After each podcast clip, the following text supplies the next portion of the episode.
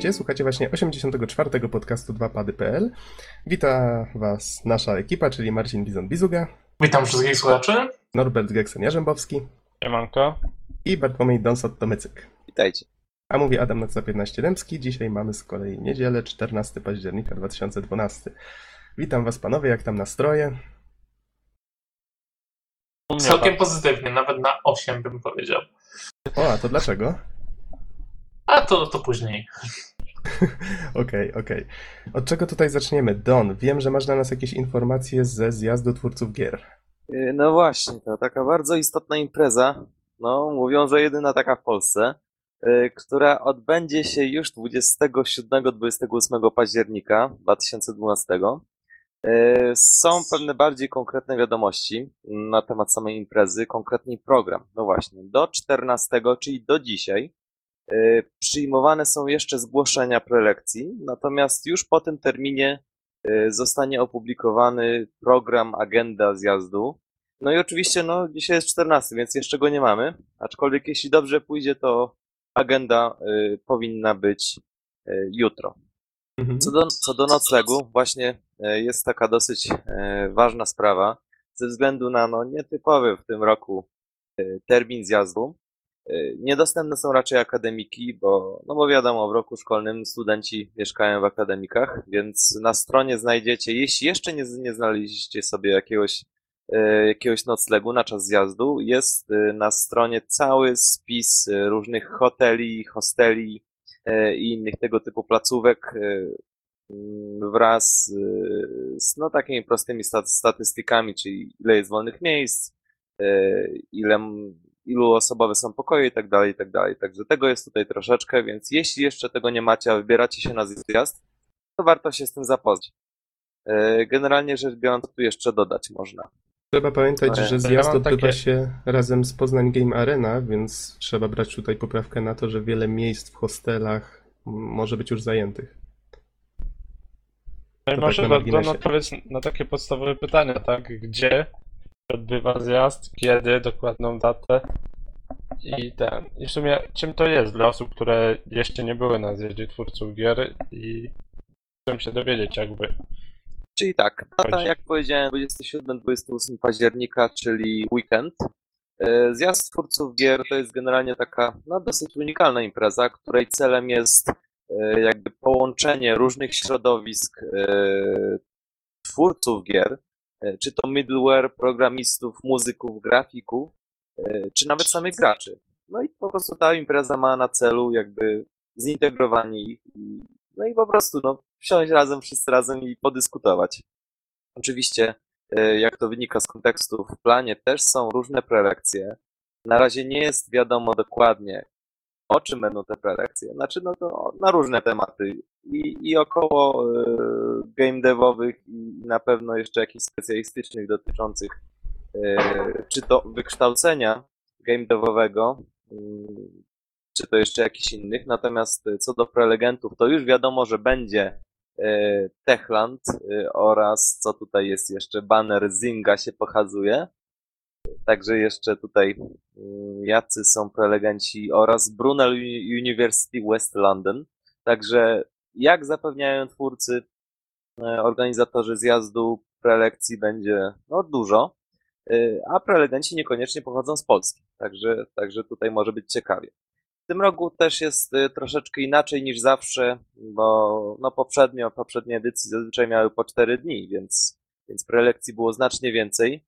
Y, W tym roku, no niestety jest to tylko weekend, dwa dni i dlatego przesyłane prelekcje są selekcjonowane. I tylko te najciekawsze się, czyli najbardziej merytoryczne się dostaną.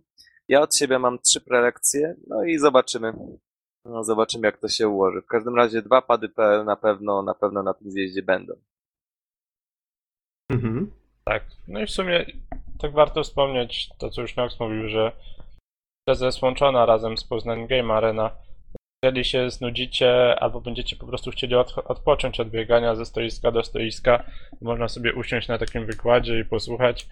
E, Ja gier nie tworzę. W poprzednim roku byłem na zjeździe twórców gier i w sumie sporo ciekawych rzeczy usłyszałem właśnie jakby odnośnie gier od kuchni. Ale zdarzały się też pewnie takie wykłady, które nie za bardzo podpasowały osobie, która nie siedzi w temacie, prawda? No właśnie, A- wiesz ale- co? Y, Ja czytałem recenzję ostatnich zjazdów y, Mhm. i ponoć, y, znaczy impreza też jest otwarta na graczy. I tutaj nawet sami organizatorzy zapewniają, że nawet jeśli jesteś tylko graczem, żadnym programistą, żadnym muzykiem czy grafikiem, też znajdziesz coś dla siebie. Tutaj opinie są podzielone. Wiesz, no co niektórzy po prostu są takie głosy, że, że po prostu tych prelekcji otwartych na samych graczy jest zbyt mało. Y, Było zbyt mało w poprzednich y, edycjach. Ja tego nie mogę ocenić, gdyż, gdyż generalnie no, jestem niezależnym twórcą, więc, więc dla mnie tutaj było bardzo dużo interesujących prelekcji, na których się odnalazłem. Dla Noxa pewnie też. Mhm. Także. Ale to, to, to może ja tak się wtrącę, Mhm. bo, bo jak jednie tworzę, tak, ale też na wszystkich wykładach nie byłem, ale warto wspomnieć o tym, że tych prelekcji odbywało się kilka równocześnie, tak? Jeżeli coś mi się nie podobało, no to mogłem sobie zmienić i pójść gdzie indziej.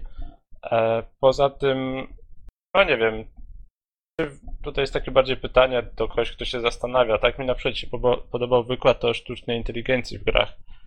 E, Może dlatego trochę, że jestem mimo wszystko informatykiem, tak? E, Ale ten. Ale to było ciekawe, tak? Z punktu widzenia gracza, dlaczego e, ci, ci boty w grach się zachowują tak, a nie inaczej. E, No bo takich z tematów stricte, takich bardzo luźnych, powiedzmy na poziomie no takim casualowym, o, no to wtedy faktycznie może być ich za mało. Mhm. Natomiast od siebie mogę dodać, że właśnie w tym roku ja wysłałem trzy prelekcje. Y, Dwie z nich to y, analiza survival horroru, jak to działa, czyli no pierwsza to jest y, powtórka z zeszłego roku, czyli analiza y, Blair Witch całej serii plus Nocturne, na czym polega ich straszność czy niestraszność, zależnie od gry. Natomiast druga, to można powiedzieć swoiste dokończenie, gdyż porównanie metodyki z Blair Witch z amnezją, czyli można powiedzieć stare kontra nowe. Czym się różnią, które jest lepsze, a może po prostu są równoważne, tylko inne. Natomiast jeszcze kolejna, to takie dosyć ciekawe zagadnienie o zaprogramowaniu zachowania gracza. Y, Czyli no, sama zasady gry, czy struktura poziomów y, afirmują i karają pewne zachowania i tym można zarządzać. Także te prelekcje, y, znaczy no ja osobiście sądzę, że to nie są, na- znaczy są, no można powiedzieć, specjalistyczne pod pewnym względem, y, de- designerki, aczkolwiek myślę, że, że mógłby na nie wejść na przykład gracz z samej ciekawości i, i nawet nie znając się generalnie jakoś tam bardzo na tworzeniu gier, mógłby po prostu no, dla samej ciekawostki posłuchać. Także myślę, że takich prelekcji będzie więcej y, na ZTG, więc, więc ja sądzę, że jednak mimo wszystko, jeśli nie siedzisz jakby w tworzeniu gier, a grasz, y, to też w ramach ciekawostek jakichś tam różnych fajnych y, odskoczni, czy też po prostu, tak jak powiedział Geksen, zobaczyć jak to wygląda od kuchni. Też można się przejść, posłuchać. Mhm. Dobrze, to panowie, czy jeszcze coś mamy do dodania na temat ZTG? Czy ruszamy Y, dalej? Na pewno będzie relacja od nas. Tak, to się zgadza. Okej, w takim razie może teraz przejdźmy do takiego tematu powiązanego troszeczkę z festiwalem komiksu i gier, na którym byliśmy. mm, Kiedy to było? Tydzień temu? No, coś tak koło tego. E, Traciłem trochę rachubę czasu. W każdym razie byliśmy tam na prelekcji prowadzonej przez Adriana Chmielarza i okazało się, że przez ten tydzień zdążył już ogłosić, że jest współzałożycielem nowego studia, które się nazywa The Astronauts. Stronę studia theastronauts.com. No, linka zamieścimy oczywiście pod podcastem. No i oczywiście życzymy sukcesów. No, brzmi kosmicznie. Ładnie, żeś to ujął. E, Warto też wspomnieć o tym, że tak jakby zapowiadał i też wcześniej trochę o tym słyszałem, że od nich będą to produkcje wysokiej jakości, ale krótkie, Mhm. za niską cenę. Mniej więcej przynajmniej ja to tak odbierałem. I Zobaczymy, można powiedzieć, można powiedzieć, że bo ja sobie przypominam, na jego wykładzie właśnie na festiwalu też wspominał o tym, że gra krótka ma wiele zalet. Można zwiększyć immersję poprzez y, zwiększenie także możliwości, to co gracz może dokonać w niej. Więc, więc to się jak, jakoś tak fajnie łączy i dlatego jestem bardzo ciekaw, co z tego wyjdzie. Mhm, tak, zgadza się, faktycznie można tutaj zauważyć powiązanie z tą prelekcją. Okej, co ja tu jeszcze mam takiego ciekawego z newsów, bo wiem, że jednemu tematowi chcecie się przyjrzeć głębiej, dlatego poprzesuwałem troszeczkę te tematy. I może takie może krótsze informacje. Mianowicie PlayStation Store niedługo zmieni swój wygląd. Ma to nastąpić dokładnie 17 października. I właściwie sklep będzie troszeczkę inaczej wyglądał, będzie ponoć A szybciej nie działał. przypomina ci troszkę sklepu konkurencji? Y, Której konkurencji? No to jest po znaku Xboxa. Bo Nie dla znam, mnie te, nie taka- znam taka- konkurencji. kafelkowa budowa tego sklepu nowego Mhm. ewidentnie nawiązująca właśnie jakby do produktu konkurencji. Kafelkowa w sensie? No, że wszystko jest zamykane w takich boksach i to wygląda jakby było przesuwane potem na boki. Dla mnie to jest z, żywcem zerżnięty interfejs z Xboxa i z nowego Windowsa. Mhm. Wiesz, przede wszystkim to ja nie znam interfejsu Xboxa, więc ciężko mi się tu wypowiadać, ale z drugiej strony nie uważasz, że to jest takie trochę, no nie wiem.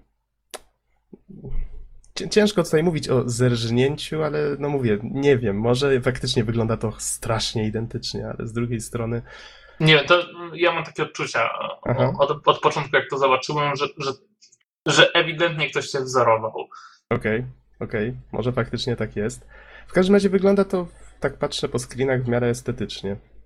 Tak, tak, no, na pewno tak. Znaczy, ja na pewno nie byłem zwolennikiem tego obecnego wyglądu sklepu, więc Mhm. Może być raczej tylko lepiej. E, Mam nadzieję, bo tak z drugiej strony to ten sklep ani nie jest jakiś taki, wiesz, szczególnie w tej chwili, ani szczególnie ładny, ani szczególnie użyteczny. Jak chcesz coś w nim znaleźć, to też w sumie jest słabo. To ma zostać poprawione, bo ma być przede wszystkim szybszy. To jest, myślę, duży plus. Ma wyszukiwanie działać lepiej. Właśnie tutaj o wyglądzie to można dyskutować, jest, czy jest lepszy, czy gorszy. I, I właściwie jeszcze jest taka informacja, że jest oparty na HTML5. Na forum Community PlayStation. Czyli-. Niestety nie jest to jakby natywna aplikacja systemu. Mhm. To znów będziemy tak naprawdę ładować stronę internetową. No tak, tak. Jakby na to nie patrzeć, to tak. Do tego się to To, sprowadza. to chyba trochę nie za dobrze. No, bo ja wiem. No zresztą zobaczymy. Jeżeli to będzie działało, to wiesz, to, to nie jest ważne, w jakiej technologii zostało wykonane, prawda? No, Ale to taka ciekawostka, zobaczymy, jak to się sprawdzi w praniu. Z kolei taka trochę inna rzecz związana z Sony. Pamiętacie, jak wykupili Gaikaja? Czyli tego OnLive'a, w sensie No tak, fi- tak. firmę zajmującą się streamingiem gier. I coś się zaczyna ruszać. Nie byłem na stronie Gaikaja, wierzę tutaj cdaction.pl na słowo, że strona została zmieniona w taki sposób, że pojawiły się tam informacje, że już niedługo będą nowe gry wspaniałe i tak dalej, i tak dalej. I pojawiają się ikonki w tle, tutaj widzę na screenie jedynie, które, mm, na których widać gry z PlayStation. Mamy tutaj Natana Drake'a, mamy Killzona, i się wszyscy zaczęli zastanawiać, czy może gry z PlayStation 3 nie będą dostępne na PC przez streaming. Ale myślisz, jest- że same dema, bo do, do tej pory na platformie Gaikai były same dema gier, prawda? Tego nie wiem. To może no, być. Ale to tak było, to ja ci to mówię, tak. To, Mhm. Ale ja bym się właśnie spodziewał dem, wiesz dlaczego? Bo cenie ekskluzywów poza swoją konsolę, Samobójstwo. tak, to, to, to jest takie, to, to jest strata, a wypuszczenie dem To mogłoby jest zysk. przyciągnąć tych graczy, tak. Zagrałeś w to, nie mówię, ale mi się podobało, ciekawe co pełna, kiedy będzie pełna wersja. Tu pełna wersja dostępna tylko na PlayStation 3. Już kurde, muszę mieć PlayStation 3. No, no, to, to, to tak może działać, więc Mhm. gdyby to montowali w telewizorach odpowiednio, byłoby to eksponowane. Bardzo dobry marketingowy ruch. No, Bo- bo- nie patrzyłem na to w ten No sposób. bo naprawdę Gaikai według mnie, ja od początku mówiłem, że to jest lepszy pomysł od OnLive'a, bo po prostu dzięki Gaikai po prostu na przykład pod recenzją jakiejś gry mogliśmy zagrać w jej demo bezpośrednio, tak? Nie instalując tej gry. Więc system był naprawdę fajny, ponieważ to było takie typowe narzędzie promocyjne. Nie miało zastępować grania normalnego jak OnLive. Mhm. No Brzmi tak, ciekawe. ale, ale podejrzewam, że prędzej czy później wszystko jednak zmigruje do chmury i będziemy grać jak na live. Pewnie być może, tak. Być może. Zobaczymy. Daleka droga przed nami. No Ale tak, to, to, to, prawda. to, to, e, za chwilę. wrócimy do tego tematu. A ja tu mam jeszcze taką drobinkę e, na temat e, ostatnich Pokemonów. Nie wiem, Norbert, czy ty chcesz powiedzieć? E, no, to może ty powiedz, może jesteś bardziej w temacie, ja wiesz, będę... tutaj nie wczytywałem się w to za bardzo, po prostu okazało się, że wydawca, e, czyli firma zajmująca się produktami Nintendo, tutaj między innymi na terenie Polski, to był Stad- Stadbauer. Stadlbauer, tak, e, wypuścił Pokemony White and Black 2 w wersji niemieckiej u E, nas. I, I tak i nie, nie do końca, bo No, przynajmniej słyszałem, że, że to tylko kilka sztuk trafiło przez pomyłkę właśnie w wersji niemieckiej. aha. E, nie to, że wiesz, że wszystkie wersje. To byłby fail, E, co? I chyba one trafiły tylko do Ultimy, bo, bo przynajmniej te, też ludzie jakby zgłaszają tylko to w ramach Ultimy. Chyba Mhm. zobowiązała się razem z Nintendo wymienić te sztuki, nawet jeżeli były otwarte, tak. Jakby ładnie się zachowali, choć trzeba też przyznać, że, że zrobili wtopę, tak? No trochę osób mogło się wkurzyć, nie? Szczególnie, jeżeli czekali. Tych, tych sztuk tam nie ma dużo, podejrzewam, ale no, tak zresztą pisali, nie wiadomo na ile można wierzyć temu, tak. E, ale... A można było tego uniknąć patrząc na pudełko.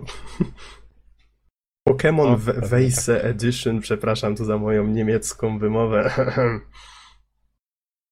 Nie tak, ale może, znaczy? Może, nie wiem, może Ultima na przykład myślała, że, że można sobie wybrać język w grze. Tak, no Mhm. bo to Tego się tak często jest, tak? Ja, ja pamiętam, jak kupowałem gry z Francji przez jakiś czas, bo miałem po prostu dostęp do nich i, i zazwyczaj właśnie kupowałem w ciemno, nie? Bo, bo byłem pewien, że będzie wersja angielska. W końcu trafiłem na jedną sztukę gry, y, która była tylko po francusku i jej nigdy nie skończyłem przez to. O, je ne comprends pas. Ale, ale ogólnie nie, można było kupować gry w ciemno i mieć właściwie pewność, że będzie również na płycie wersja angielska. Mhm. No bo tak, tak jest najczęściej, nie? Że, że jednak ta wersja angielska to jest jeszcze. No ale jak widać, Zazwyczaj, nie w Pokemonach. mhm. Wiele gier zazwyczaj w Europie wydawanych na konsolki przenośne jest w takich paczkach, prawda? One mają tam pięć języków bodajże. Angielski, francuski, hiszpański, niemiecki. No dlatego tym bardziej Jeszcze możemy chyba zrozumieć ten, ten, e, ten błąd Ultimy, Mhm. e, jakoś tam im wybaczyć, ale, ale to nie zmienia faktu, że na pewno gracze, e, ci, którzy czekali na premierę, no, byli zdenerwowani, tak? Ja bym był. Ktoś był ale bardzo to- nahypowany, to, to na Ale to pewno. Norbert mnie uspokoił, bo wiesz, że myślałem, że to jest na trochę większą skalę. Tak jak mówię, nie wczytywałem się. No pewnie, pewnie, wiesz, Ultima chciała sprowadzić grę z jakiegoś tańszego źródła, które sobie znalazła. Mhm. Nie, Nie, to, to było No od i tak wyszło, oficjalnego. nie? To było od oficjalnego Od dystrybutora. oficjalnego, tak? Tak, więc. Czyli to była wpadka, no właśnie, dystrybutora. Okej, ale zostawmy ten temat. Do, link do newsa na PSX Extreme zostawię pod podcastem. Jeszcze od razu może w tej chwili dlatego powiem, jakie filmiki wrzucę pod podcast. Y, Będzie to When Gordon Met Shell. Taki zabawny filmik. y, Tak jak tydzień temu żeśmy taki bardziej poważny wrzucili z fanowski z Gordonem Freemanem, tak samo teraz będzie taki troszeczkę bardziej z przymrużeniem oka, jak Gordon spotyka bohaterkę portala. Czego to fani nie wymyślą, kurczę. Tyle pracy w to wkładają.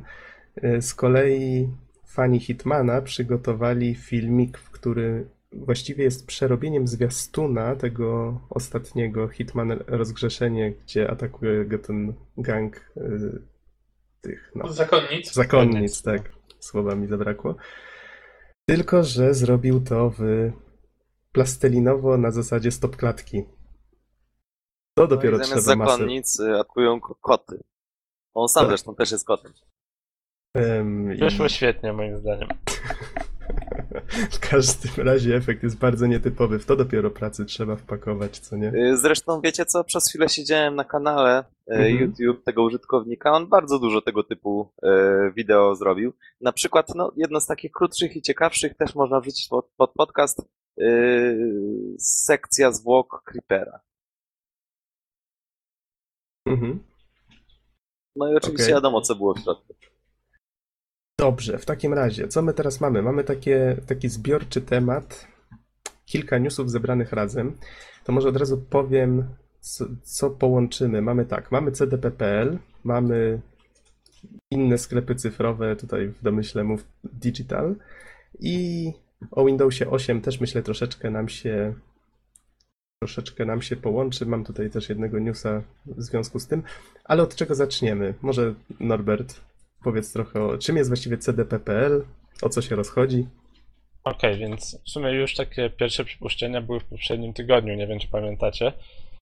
E, więc, Że trafimy w cyfrową dystrybucję. tak. Do E, przypomnienia. CD. Projekt mówił, zapowiadał tą cyfrową rewolucję, tak?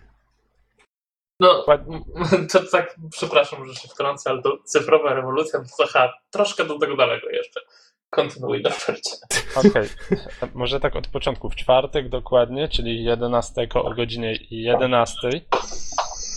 E, punktualnie e, rozpoczęła się e, cała uroczystość, można powiedzieć, związana z wystartowaniem tego sklepu. No niestety była masa błędów w streamingu i to nie do końca wyszło. Była dyskusja generalnie ekspertów odnośnie przyszłości, cyfryzacji itd., itd. Mhm. Nawet ciekawa, e, choć no niestety e, była zrujnowana przez liczne błędy techniczne. Po prostu audycja była przerywana. No, nie wiem, nagle głos zaczynał być nadawany z 10 minut wcześniej, inne tego typu problemy były. E, no tak, później wystartowała strona, też początkowo drobne problemy techniczne, a, ale co teraz mamy? Generalnie CDP.pl jak nawet widać po trochu po designie, przypomina bardzo Goga. Tylko jest taki typowo na polski rynek. Znajdziemy tutaj e, pomoc gry swojej dystrybucji w całkiem moim zdaniem niezłych cenach. Czyli innymi słowy, CD Projekt postanowił zrobić swojego własnego Goga, sklonować, tylko dostosować go do naszych polskich realiów, tak? Tak, dokładnie. E, zamiast płacić kartą, możemy sobie zapłacić przelewem, co jest moim zdaniem bardzo fajne. Mhm. Żałuję trochę, że nie wspierają PayPala na, na chwilę obecną jeszcze. Przynajmniej To nie dziwne, nie? Że to w sumie powinno być standardem w tym momencie. Tak. E, z takich fajnych rzeczy Wiedźmina można tam dostać za trzy dychy. No to, to akurat, wiesz co, tego Wiedźmina to nie wszędzie rozdają, także na, na, na Xboxa w takiej cenie, więc... Wiedźmina e, dwójkę. Tak. I Wiedźmin dwójkę po prostu kosztuje grosze zarówno na Xboxa, jak na PC, więc to jest tam średnia promocja. No nie wiem, mi się wydawało, że nadal kosztuje około 6-7 dych na PC. No dobra. E, ale z takich innych fajnych rzeczy, to to, co mi się podoba, to każda gra jest dokładnie opisana. Mhm. Coś, czego brakuje po trochu w move.pl, jeżeli sobie, nie wiem, kliknę w tego Wiedźmina, to mam napisane, że, że gra jest po polsku, że nie ma DRM-ów tak dalej. Jeżeli gra ma jakiegoś DRM-a, no to od razu możemy zobaczyć jakiego. Na przykład jest na Steama, czy nie. To jest przeciwieństwo, znaczy przeciwieństwo, to jest taka mm, jakby zrezygnowano tutaj z tej cechy y, Goga, że tam nie ma w ogóle DRM-ów. To jest taka złota zasada. Tutaj wiadomo, jeżeli mają wydawać nowe gry, no to spora gier jest stworzona tak z integracją Steama, no i po prostu Mhm. nie można tego przeskoczyć. No Można może się, można się kłócić, grę. czy to jest w dobrą stronę krok, czy złą, ale być może po prostu takie są realia i nie dało się, tak jak mówisz, tego przeskoczyć. Y, może i ja wrzucę tutaj ze trzy grosze od siebie. Mhm. Generalnie rzecz biorąc, co mnie pozytywnie bardzo zaskoczyło. Oj, słychać mnie gdzieś u kogoś, chyba u Bizona. No, wątpię. No dobra, dobra. Y, No w każdym razie tak. Y, Co mnie bardzo pozytywnie zaskoczyło, przede wszystkim są ceny w złotówkach. Wreszcie widzimy 5 zł, 9,90 i tak dalej, a nie w jakichś tam euro czy dolarach, więc wreszcie coś na polskie czy, warunki. czy, czy na Steamie ceny nie są w złotówkach? Euro. Euro? W Steamie zawsze są w euro, tak. Okej, przepraszam. Tak, więc, To znaczy w, więc Euro, tutaj, w Europie, czy w ca- na całym świecie? W Europie. W Stanach są w dolarach. więc, Okej, kontynuuj, Don. więc no, bardzo miłe wrażenie, że wreszcie coś, co powstało specjalnie na polskie warunki. To jest raz. Y, Po drugie, Mhm. ten opis gier, właściwie tak sobie kliknąłem i widzę, że cały portal generalnie został tak stworzony w bardzo luźnym stylu, ba- bardzo luźnej stylistyce. To znaczy, wszystkie te opisy są Yy, Są jakieś takie troszeczkę z przymrużeniem oka napisane, no, i- no i z żartem. Na przykład do Afterpola otworzyłem przed chwilą Insanity. I Jest. yy, Ajajaj. Bizonie, coś ci klika od czasu do czasu, teraz komórką grasz, masz karnego. Nie wiem, jak to możliwe. Może, może przez to, że formatowałem ich na, na nową Znowu konfigurację. Voldemort. Ja nam mówię, to jest on. Dobrze. Wszyscy teraz na nowych konfiguracjach, Don też na nowo skonfigurowanej maszynie. Yy, czyli tak, yy, właśnie Afterfall otworzyłem, yy, otworzyłem stronę, no i na przykład mamy tutaj luźny opis gry, yy, ale także wymienione w punktach. Yy, Mhm. chcesz, chcesz kupić tę grę, bo zagrałbyś w końcu grę, która rozgrywa się w Polsce. Lubisz się bać. Yy, postapokaliptyczne tematy cię kręcą. No i tego typu różne rzeczy fajne, bardzo, bardzo przyjemne opisy. Takie widać, że, że jednak przeznaczone dla, dla także no, młodszych trochę odbiorców. No takie po prostu z żartem, bardzo, bardzo yy, przyswajalne, łatwo i no i jestem na tak. No. Bardzo krótkie, konkretne opisy gier, no i w ogóle całość, już takie ogólne wrażenie, bardzo dobre. Więc ja jestem Mhm. na tak. No, poza tym mają fajne akcje. Weekend za piątaka. Teraz akurat trwa, pewnie w momencie wrzucenia podcastu będzie już za późno, ale no fajnie, że pozwalają kupić gry za 5 zł, tak? To nie jest gó- wygórowana cena. Mamy tutaj Ogniem i Mieczem, yy, Stalkera, Tiny Bank Story. No spoko, spoko, no po prostu fajnie to, to wygląda. A ja mnie od siebie zastanawia, mogę, ja od siebie mogę tylko dodać, że w sumie troszeczkę się czuję, wiecie, tak trochę, nie wiem, rozdarty, bo z jednej strony, tak jak mówicie, fajnie, że coś takiego zrobili, a z drugiej jednak cały czas nie mogę się pozbyć wrażenia, że to jest taka gorsza kalka Goga. No nie wiem, może jestem po prostu zbyt do Goga przyzwyczajony. Bo to, ta strona i wygląda mniej atrakcyjnie, choć bardzo podobnie działa. I, I właściwie wiecie, no nie wydaje mi się, żebym miał ochotę na przykład, no nie wiem, znowu dzielić, no tak jak ty mówiłeś Norbert kiedyś, że na Steamie masz wiele gier, to po co się rozdzielać na kilka kanałów dystrybucji znowu, prawda? To znowu tutaj, jeden, w jednym sklepie mam jedne gry, w drugim mam drugie i tak. To jest chyba największy problem, nie? I pytanie, czy w ogóle warto wprowadzać jeszcze jedną jakby e, taką drogę dystrybucji, tak? Mhm. To, to ja wam powiem tak, że często można kupić tutaj ta- na CDP.pl też zresztą są. Chociażby to, Boże, nie wiem jak to się czyta. Barley, Medieval Warfare. Po prostu kupujecie tak naprawdę klucz na Steama. E, Tylko podejrzewam, że ceny będą niższe, no bo to będzie na Steamie kosztować. To jest fajne, jakby można było po prostu kupować klucze do Steama, tak? To, to, Tak. to jest ciekawe rozwiązanie. Za, za polskie pieniądze, za taką cenę, jak, jakiej by ta gra była wydana w Polsce. Powiecie, no 50 euro to jest 200 zł, tak? Nikt gry na PC za 200 zł nie będzie kupował. Mhm. Chyba, że to jakieś Diablo albo coś w tym stylu, nie? To można nawet i tysiąc dać, jak niektórzy udowodnili.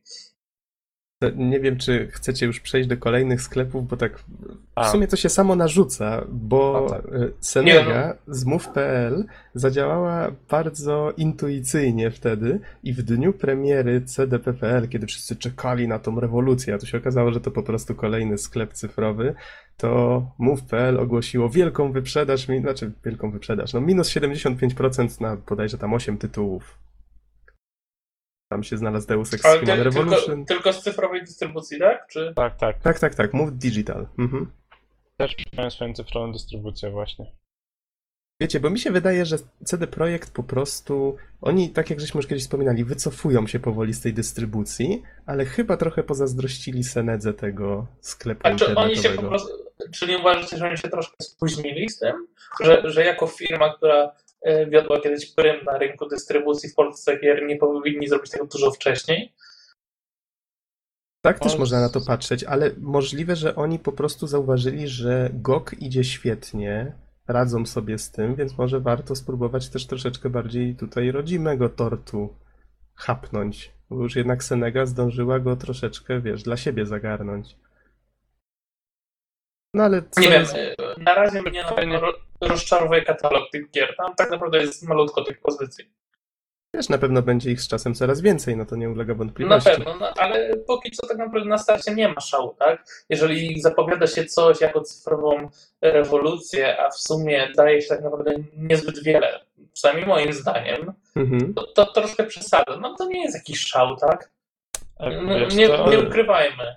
Wiesz, to tak samo jak ktoś w komentarzach, no poniekąd słusznie zauważył, że marketing CD Projektu ma takie tendencje do przeginania. Pamiętasz, jak ogłosili raz, że GOG za tydzień, no coś w tym rodzaju, ma upaść Przestanie niech, istnieć, tak. tak, niech wszyscy wpadają i patrzą, tam pobierają swoje gry, bo niedługo już nie będzie GOGa. A się okazało, że to po prostu zapowiedź nowego, nowej wersji. A ja wam powiem, że możecie się trochę mylić z tym, że, że, że sklep kiepsko wygląda na razie, bo Mhm. wziąłem sobie bestsellery. Patrzę na ceny, tak? Wiedźmin, Mhm. trzy dyszki. Jakiś tam Wood Sensei, trzy dyszki. Gothic trójka, dwie dyszki. Train dyszka. Tam jakieś kolejne jest w pozycje. fajnej cenie. To No tak, znowu dyszka, znowu dyszka. Powiem wam, że chyba ich taktyką będą po prostu bardzo, bardzo niskie ceny. No nie ukrywajmy, to, to jest duży plus, tak? No bo jak już ktoś zarabia, no to może, może wydać na grę powiedzmy już to 50-100 zł. Ale szcz- szczególnie ci młodsi studenci też, no będą woleli sobie kupić grę za dyszkę, tak? Poza tym smartfony i te wszystkie Apple'owskie sklepy pokazały, że w sumie, żeby dotrzeć do tych osób, które nie grają na co dzień, to właśnie taka mała cena, wiecie, jak za bułeczkę, to jest chyba najlepszą zachętą, bo co im szkodzi spróbować, prawda? Tutaj rzadko która gra przekracza trzy dychy, powiem wam naprawdę, więc Mhm. to chyba poszli w cenę i pod tym względem podejrzewam, że Polska jako no, kraj niezbyt bogaty trafią z targetem. No właśnie tak, tak przeglądam sobie cały czas ten portal. Myślę, że Gaxen ma wielką słuszność. Generalnie właśnie myślę, że twórcy tego portalu dokładnie sobie to przemyśleli i postarali w tą niszę przejść. Na przykład zresztą same, same kategorie tutaj sugerują nam to, w co celują autorzy. Mamy tutaj bestsellery, e, preordery, promocje poniżej 10 zł i polskie. Także, także myślę, że to jest coś, co, co czasem, mm, czego czasem my z tęsknotą wypatrujemy. Na przykład, no nie wiem, wchodzę w dział polski i mam same polskie gry i tak dalej, więc, więc myślę, że widać tutaj bardzo wyraźnie y, kierunek działań organizatorów tego sklepu. Mhm. Tak, czyli widać, że jednak, jednak zostało to z pewnym pomysłem zrobione, to nie ulega wątpliwości. Pożyjemy, zobaczymy. Na pewno fajnie, że mamy dwa sklepy polskie, tak, które będą rywalizować. Konkurencja jest zawsze dobra dla klienta, co już widać po tych promocjach, o których nam wspominałeś. No i tak jak mówisz, najważniejsze to, co będzie się działo dalej, to, bo to, że na wstępie dali trochę dobrych cen, nie oznacza, że tak naprawdę mają zamiar utrzymywać tą tendencję. Czy mogę już rage'ować? Tak, poprosimy Mo- Rage'a. mo- Bo mogę nie już- wiem o co chodzi, a mówiłeś o jakimś Rage'ie. Mogę już rage'ować, doskonale, bo no wiecie, Senega to oni w sumie zawsze potrafili albo zrobić duże wrażenie, albo coś strasznie zepsuć, no mają bogatą historię pod tym względem. I tutaj strasznie mnie pozytywnie Bo to zaskoczyli. Rosjanie są. No, Rosjanie, a dlaczego Rosjanie, Bizonie? Sunego jest rosyjska. Tak? Nie. No kurde, no człowieku. To nie jest polska firma. Już dawno nie. Okej, okej. W takim razie mam przestarzałe informacje, no ale nieważne, to, to jest akurat mało ważne.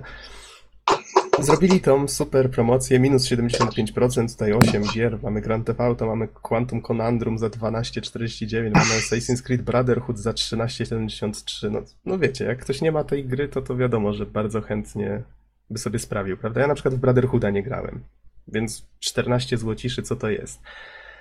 Kupiłem sobie tą grę i słuchajcie, do dzisiaj w nią nie zagrałem, choć minęło już chyba 3-4 dni, bo okazało się, że mój klucz nie działa. Działa. Po prostu nastąpiła taka chwila głębokiej konsternacji. I A nie próbowałeś reklamować coś? nie, no oczywiście, że próbowałem. Moja znajoma, która kupiła y, jakąś grę w tej promocji, nie, właściwie to też, Brotherhooda, przepraszam, y, też miała identyczny problem. Ona w przeciwieństwie do mnie dostała odpowiedź na maila. Okazało się, że nie tylko my mamy te problemy, że oni starają się to wybadać. Prawdopodobnie przez weekend im się nie uda, więc prawdopodobnie jutro coś będą działali w tej sprawie.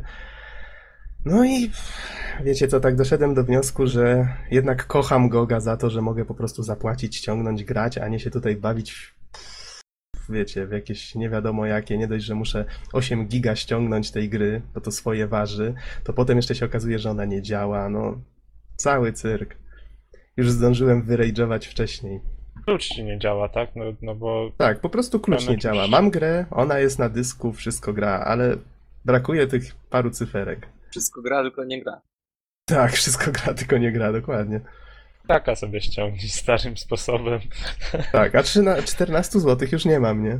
Jestem biedniejszy. Nie no, podejrzewam, że, że podeślę ci odpowiedź tak Nie, no, samo. no, oczywiście, tylko trzeba wiesz. poczekać. To to byłby fail totalny, jakby tego nie rozwiązali, no ale... No ale mówię, no. Liczyłem na to, że weekend spędzę z Asasynem. Ale to tak rage'ując na marginesie. Powiedzcie, jakbyście porównywali właśnie mm, obecny stan move.pl, a właśnie to, co prezentuje teraz CDP.pl? Nie no, no mów ma znacznie większą of- ofertę, tak? Mhm. E, Ale mam wrażenie, że właśnie mów jest taki bardziej na nowości nastawiony. Nie wiem czemu, tak, tak to odbieram. E, A, a ten CDP jest tak na, na te niskie ceny i na polskie tytuły. Znaczy, to, to jest tylko mój odbiór, tak? No bo jak się wejdzie, to na mówię też można znaleźć niskie ceny. Tam jest to jakby tak bardziej wyeksponowane. Okej. Ale ten, no, tak jak mówiłeś wcześniej, dobrze, że będzie konkurencja, to się liczy. Mm, Mówiliście też, że chcecie poruszyć temat, przejść jakoś płynnie od CDP.pl do kwestii, jak to Bizonie nazwałeś? Konsolizacja PC-ów? No, krótko mówiąc, granie na PC, jak będzie wyglądać za kilka lat albo w przyszłości, Mhm. bo Bizon generalnie bawi się już Windowsem 8. Testował sobie ostatnio. Ona coś nie ma chwilowo. Dobra, poczekajmy na niego chwilkę w takim razie. A to No możemy ale- w takim razie zacząć od, od Big Screena. Mhm. E, przepraszam, Big Picture na, na Steamie. On też się trochę tym bawił, więc mam nadzieję, że coś tam dorzuci od siebie, parę słów. Oczywiście. E. Jak żeby nie. No właśnie, bo ja sobie włączyłem w końcu tą betę, sprawiłem sobie pada do Xboxa e, z adapterem do PC-ta, takim specjalnym. No i powiem wam, że pierwsze wrażenie, no jest wow, jest wow, tak? Czyli to E. działa i działa fajnie, tak? Działa po prostu świetnie, moim zdaniem. Wiesz, nie wspominam o tym, że płynnie. Cały design, po pierwsze ergonomiczny, po drugie bardzo przyjemny dla oka, ale nie, nie jakiś taki e, fancy, no, nie jest jakiś taki kolorowy za bardzo, tak?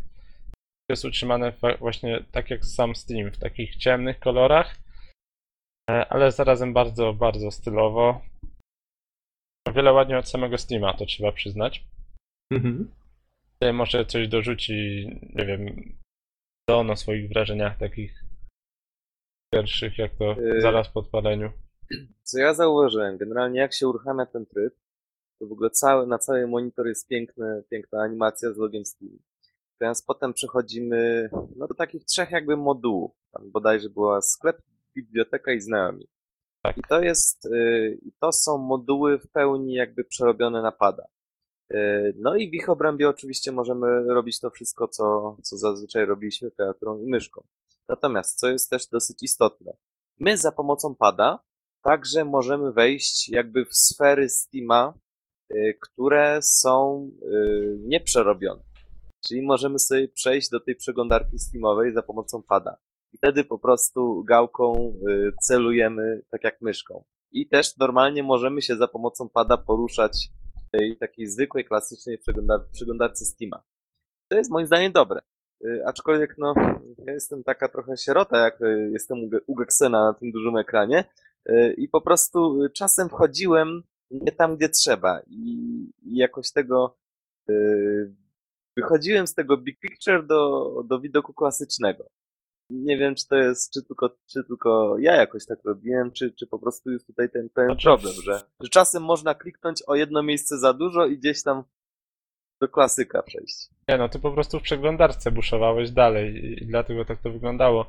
Swoją drogą warto też wspomnieć o tym, że im się chwalił, że to będzie pierwsza taka prawdziwa przeglądarka, z której można korzystać na napadzie.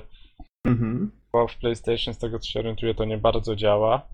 Nie wiem To jak znaczy nie działa tak, żeby było to zachęcające. Może tak. No tutaj wiadomo, że myszką się steruje wygodniej, ale Mhm. ogólnie jest to dobrze przystosowane. Dodatkowo zrobili fajny system pisania. No właśnie, to przykuło moją uwagę najbardziej. Wiesz, Tak. Wiesz, bo na sprawę, tak opisując pokrótce, yy, mamy taki jakby kwiatek z listkami. I na każdym z tych listków są cztery, yy, cztery literki, cztery znaki. Yy, gałką wybieramy listek, a potem czterema przyciskami, yy, którą literkę wpisujemy z tego listka.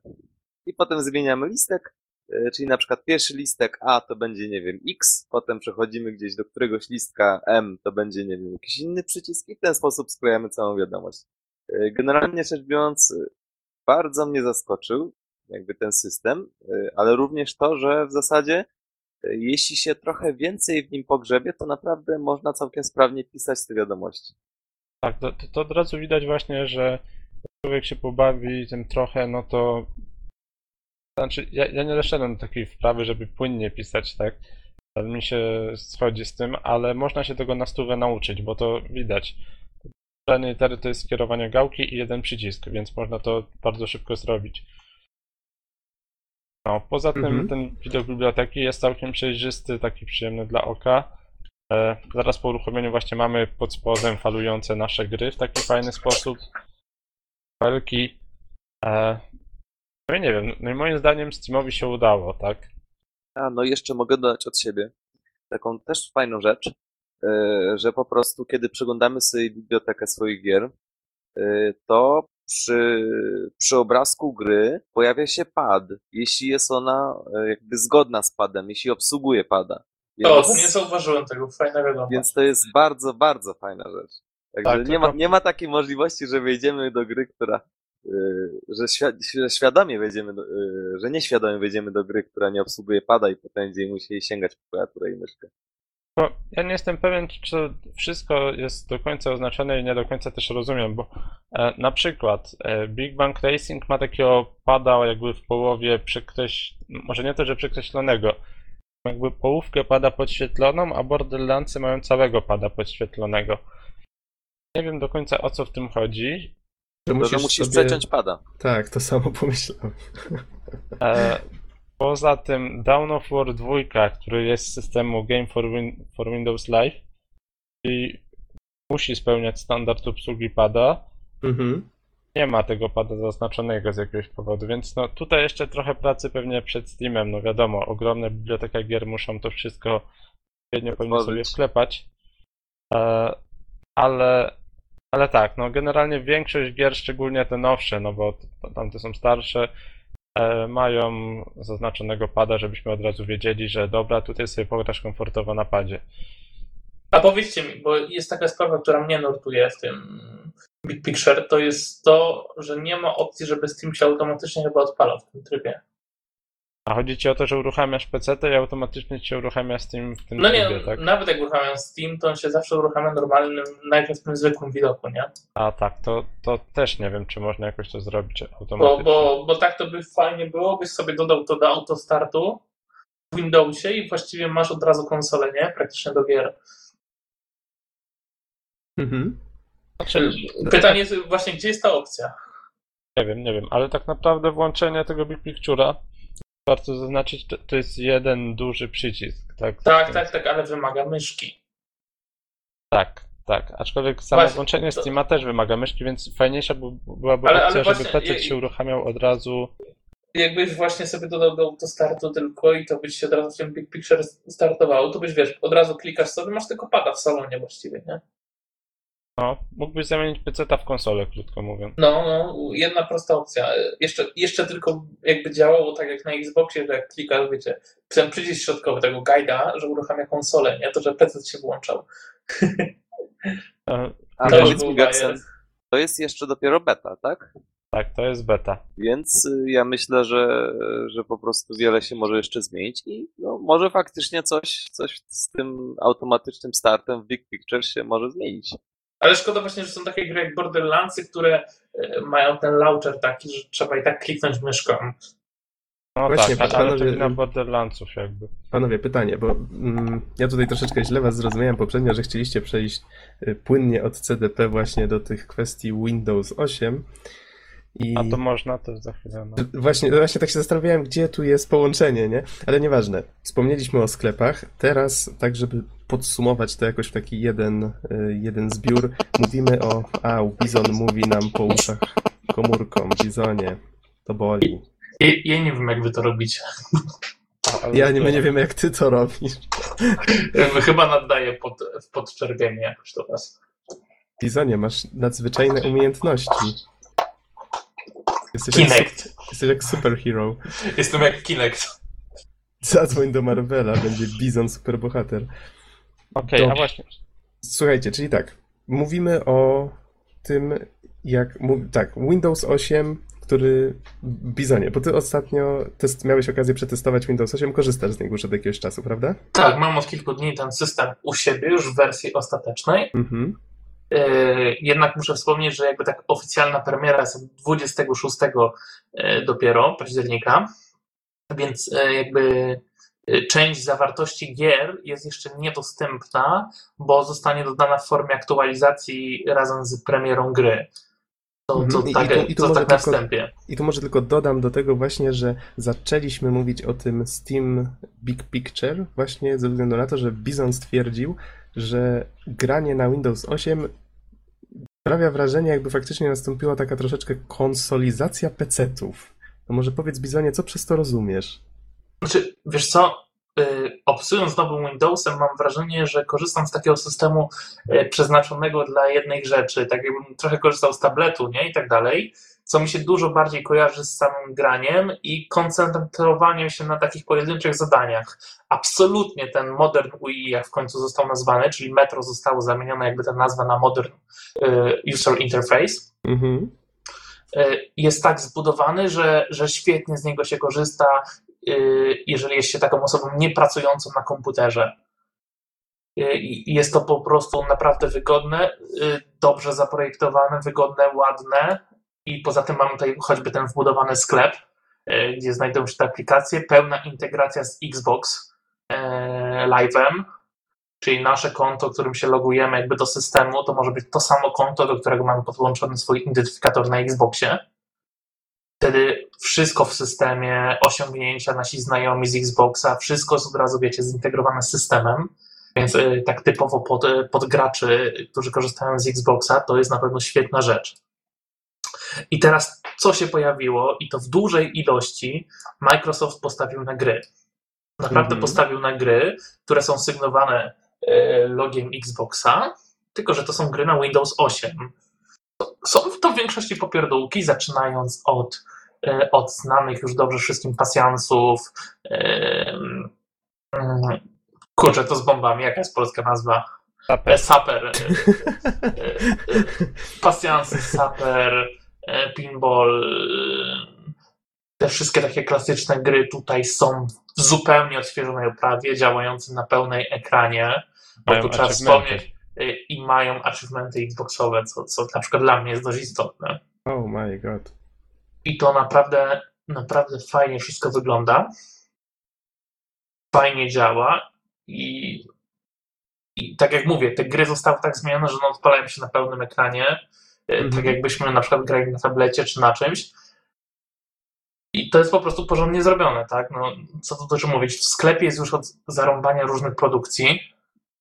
I są też takie tytuły, jak na przykład, yy, już wam mówię skądka, jak Adera, to jest taka przygodówka, która została tak skonstruowana, że można grać w nią zarówno na Windowsie, jak i na telefonie z Windows. A propos Yy, telefonu Bizonie, osiem. znowu, znowu ci coś tam pogrywa w tle. E, Przepraszam Was, muszę odebrać, więc za sekundę wróćmy. E, Wrócimy, e, weźcie, wymieńcie swoje opinie, ja za sekundkę do Was wrócę. Okej, w porządku. No nie wiem, Bizon tak sobie strasznie chwali to, to metro. Ja z kolei nie wiem, ja sam nie, miałem z nim styczność tylko na cudzym komputerze, ale nie wiem, ciężko się do tego przyzwyczaić. Znam wiele osób, które jednak krytykują strasznie to, to rozwiązanie. Znaczy, na telefonie powiem ci sprawdza ono się świetnie, tak? Nie, na telefonie na pewno, bo to To jest... 7 czy Mhm. 8. Ale na komputerze to nie wiem, czy nie jest tak, jak Bizon mówił, czyli że 8 sprawdza się świetnie, ale on zaznaczył, że tylko pod warunkiem, że nie pracujesz i wykonujesz jedno zadanie naraz. A no właśnie. No właśnie, nie wiem jak to będzie działać do pracy, tak? Ale w sumie dobrze wiedzieć, że do grania się sprawdza. Bo teraz o grach, tak, a nie o pracy, na całe szczęście. Ja widziałem na przykład kolega miał w tym metro całe dwie kolumny. Ja nie wiem za bardzo jak to działa, ale w każdym razie jak mamy te prostokąciki, te kwadraciki, to miał dwie kolumny z samych ikonek złożonych z grami. Nie wiem, czy to on sam sobie musiał tak to usadowić, czy po prostu Windows ym, ma podpięte co jest grom, a co nie, czy tam powiedzmy się to definiuje w trakcie instalacji. E, Nie jestem nie, nie, pewien. sobie. e, To, to działa generalnie tak, że każdą aplikację Mhm. możesz sobie podpiąć jako taki kafelek i ustawić w dowolnym miejscu. Czyli kolega po prostu sobie, jak rozumiem, poukładał ikonki gier w Tak, rządku, tak? E, Nie, wiem, czy w grach to będzie wykorzystywane, ale Mhm. na przykład jeżeli masz aplikację pogody, to, to o to chodzi, że, że ta aplikacja pogody może ci od razu w tym kafelku wyświetlać tam informacje o aktualnej pogodzie, nie? Podobnie Mhm. maile aktualne mogą ci się wyświetlać, wiesz, te, te, które przychodzą. Grach ciężko sobie wyobrazić do tego zastosowania, chyba że masz jakieś, nie wiem, te autologi, czy coś takiego, że na przykład e, twój kumpel cię wyprzedził, tak? No tak, tak, to fakt. Takie Takie- rzeczy to w sumie już dawno udowodniono, że te achievementy czy trofea, jak kto woli, to jest ten, ten system mini nagród, prawda? To się strasznie sprawdza. Teraz wszyscy to wszędzie montują. W Steamie już jest od dawna. Teraz jeszcze system operacyjny, jak będzie miał swoje achievementy. Nie wiem, twój pierwszy napisany dokument. Oh gosh. Albo gratulacje. y, Uruchomiłeś już, y, nie wiem, tam system po raz któryś tam, albo już, już łącznie 10 godzin jest i tak dalej. Wiesz, Racja, na- grasz 24 godziny bez przerwy. Najgorsze jest to, że na pewno znalazłyby się osoby, które specjalnie wyłączałyby i włączały komputer, żeby zebrać achievement, że został włączony 100 razy. Tak. Ja nawet znam taką osobę. Tak? Te, te, teraz musiała pójść odebrać telefon, powiem ci. Dla- Dla tych, którzy nie wiedzą, on zaczął grać pasjansa, żeby zrobić e, achievementy. Ale cicho, bo się wyda. To Podkablujemy tutaj. E, Jeszcze nie wrócił, to nas nie słyszy. Jak odsłucha, będzie inaczej. Oj, myślisz, że Bizon odsłuchuje naszych podcastów?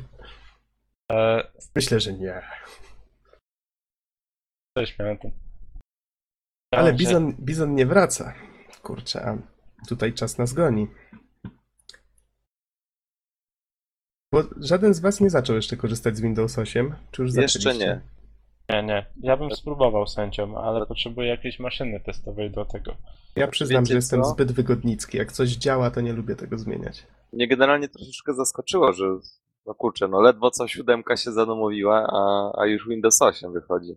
No mimo Tak szybko wszystko troszeczkę. firma musi na siebie zarabiać, co nie? Ale jak był takim okresem zastoju, moim zdaniem błąd Microsoftu. Bo ludzie są z natury leniwi, oni nie lubią zmian, a XP utrzymywał się na rynku, nie wiem, coś koło 5-6 lat Mhm. temu, dopiero wyszła Vista jakoś. Zobaczysz kiedy dokładnie. Tutaj najgorsze myślę jest to, że oni faktycznie na siłę starają się wepchnąć rozwiązania, które zostały zaprojektowane no wyraźnie na urządzenia przenośne, a oni starają się wepchnąć właśnie na pecety. Trochę Wiesz, boli. to sporo osób narzeka na brak pasku start. Aha. Można sobie doinstalować, tak. Nieoficjalny niestety program. A, no to i to jest problem, że jest nieoficjalny. Tak, ale no jeżeli ktoś, ktoś po prostu może sobie włączyć ten normalny stary pulpit, to, to o tym wiesz, nie? No słyszałem. Tak. Mhm. Możesz w sumie olać to Metro UI, no i sobie przejść na ten. Znaczy modern UI, jak to nazwał Bizon. Ktoś się śmiał, że to ani, ani modern, ani UI. Nie wiem czemu. Czytałem też takie opinie. Moim zdaniem to, to faktycznie jest kolejna generacja interfejsów użytkownika, szczególnie na telefonach, tak. To Owszem, jest, a- właśnie, to jest właśnie problem, bo to zawsze się pojawia, że to jest, wiecie co, fajne, ale najbardziej na telefonach. No więc po co to na PC-cie?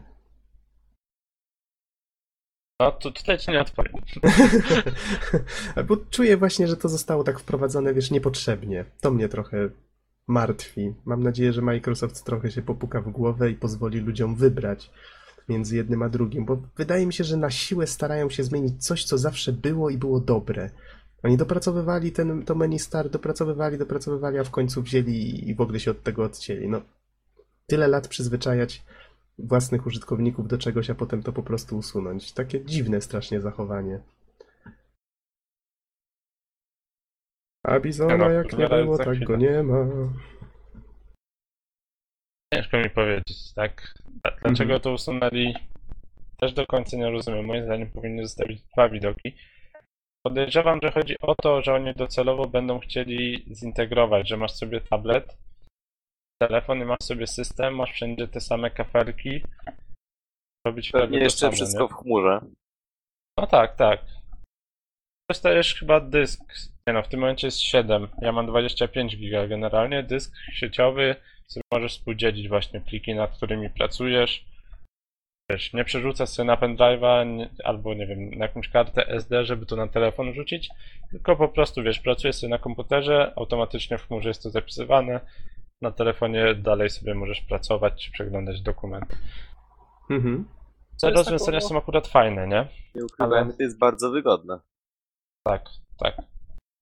E, no ale to usunięcie paska start nie umiem dalej odpowiedzieć. No bo kurczę, to jest taki symbol jednak, nie? Od zawsze na zawsze było, a tu nagle nie. Dobrze, tak, słuchajcie, taka, w kurczę, takim razie- rewolucja. Ja nie za bardzo wiem, co Bizon jeszcze chciał powiedzieć nam na temat Windowsa 8, a widzę, że bardzo długo nie wraca, więc chyba musimy na moment zrobić przerwę techniczną i w takim razie wracamy za moment.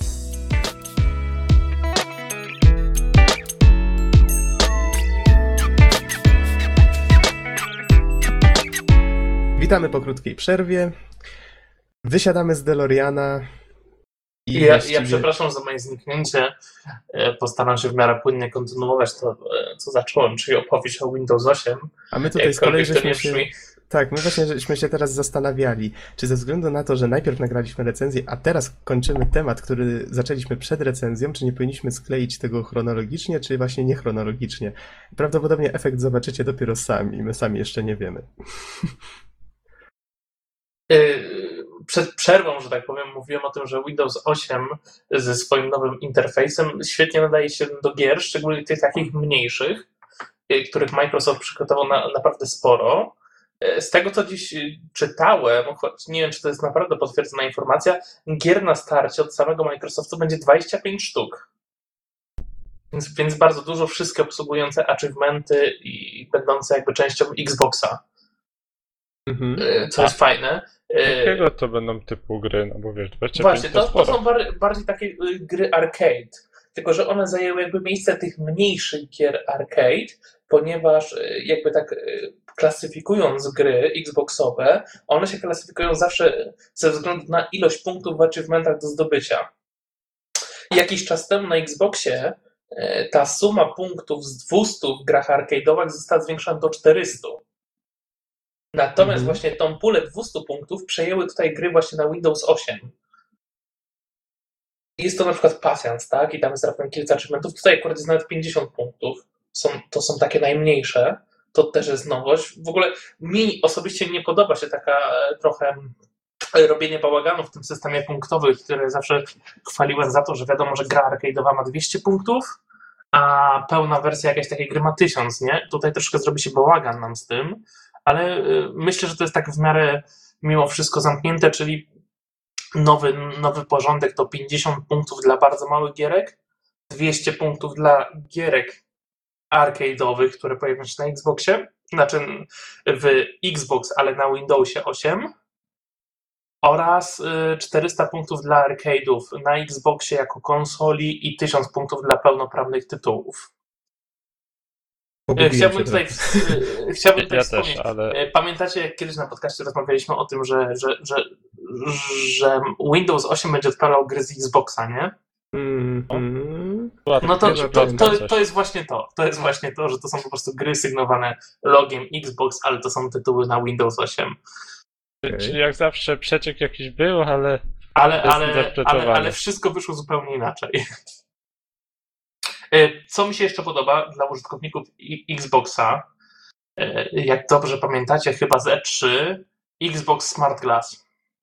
Tak, to, to jeżeli coś takiego? to było To to, co jakiś czas- łączyło różne urządzenia e, z telewizorem, tak? Że mogłeś na przykład korzystać Tak, ze swojego tak, tak. smartfona do przeglądania menu. to, to, co zostało wprowadzone jakiś czas temu już na tabletach i, i telefonach, również jest zbudowane w Windows 8. Czyli, to- czyli ma, mam tutaj dostęp do Smart Glassa bezpośrednio z interfejsu e, systemu, co jest, co jest bardzo fajne, bo powiedzmy, tak jak dla mnie, nie? Przykładowo, siadam sobie przy komputerze, przeglądam sobie jakieś strony, wiecie, po powrocie z pracy i tak dalej, i mówię, a zagram sobie teraz na Xboxie i sobie wybieram tutaj w interfejsie jeszcze na PC grę, którą chcę, żeby mi odpaliło z dysku. Idę sobie mm, do salonu, gdzie mam konsolę i tam gra jest już włączona, tak? Fajne, fajne. To jest taka ciekawostka, tylko jedynym minusem tej historii, którą powiedziałem, to, że Xbox by musiał być włączony cały czas. Nie Mhm. fajne, nie E, fajne. To, I tu, tu, tu, tu jest minus. Mam nadzieję, że wymyślą e, coś takiego, że on się po prostu automatycznie odpalał, nie? Kiedy ja sobie tutaj kliknę i wybiorę jakąś grę. Myślę, Mhm. że to nie jest jakiś duży problem na zrobienie tego. No, ale oprócz tego macie od razu wbudowany dostęp do wszystkich znajomych, historię, w, w co graliście, bardzo fajny zrobiony jest widok przeglądania sobie achievementów z gier. E, Fajnie, że robimy to wszystko na komputerze w wygodny sposób. Mi się podoba. Mhm. Natomiast tak, no, cały czas mówię e, w pewnych superlatywach o, o tym systemie jako e, systemie dla takich użytkowników, którzy nie pracują na komputerze. Ja niestety nie jestem sobie w stanie na taki komfort do końca pozwolić, chociaż w domu raczej unikam pracy. I tu pojawia się pewien problem. Ten system ewidentnie standardowo nie jest przystosowany do tego, żeby wygodnie w nim pracować. Ale jest rozwiązanie. Jest mały programik, firmy Start Dog. I nazywa się Mhm. Start 8 ten program. Kosztuje on bagatela 5 dolarów. I dodaje to, co najważniejsze z brakujących rzeczy w, w Windowsie. Po pierwsze, instalując ten program, przywracamy sobie standardowe menu Start, którego nie ma normalnie w pełnej wersji systemu. Ale ktoś wymyślił na biznes sposób, co? Ale, słuchajcie, no bo bez przycisku menu start, to klikając w lewym rogu, zawsze wchodzimy do e, Modern UI, tak? Więc e, jest to tak troszkę niewygodne, tak? Więc tutaj dostajemy ten Troszkę przycisk. to mało powiedziane. E, Tutaj dostajemy ten przycisk.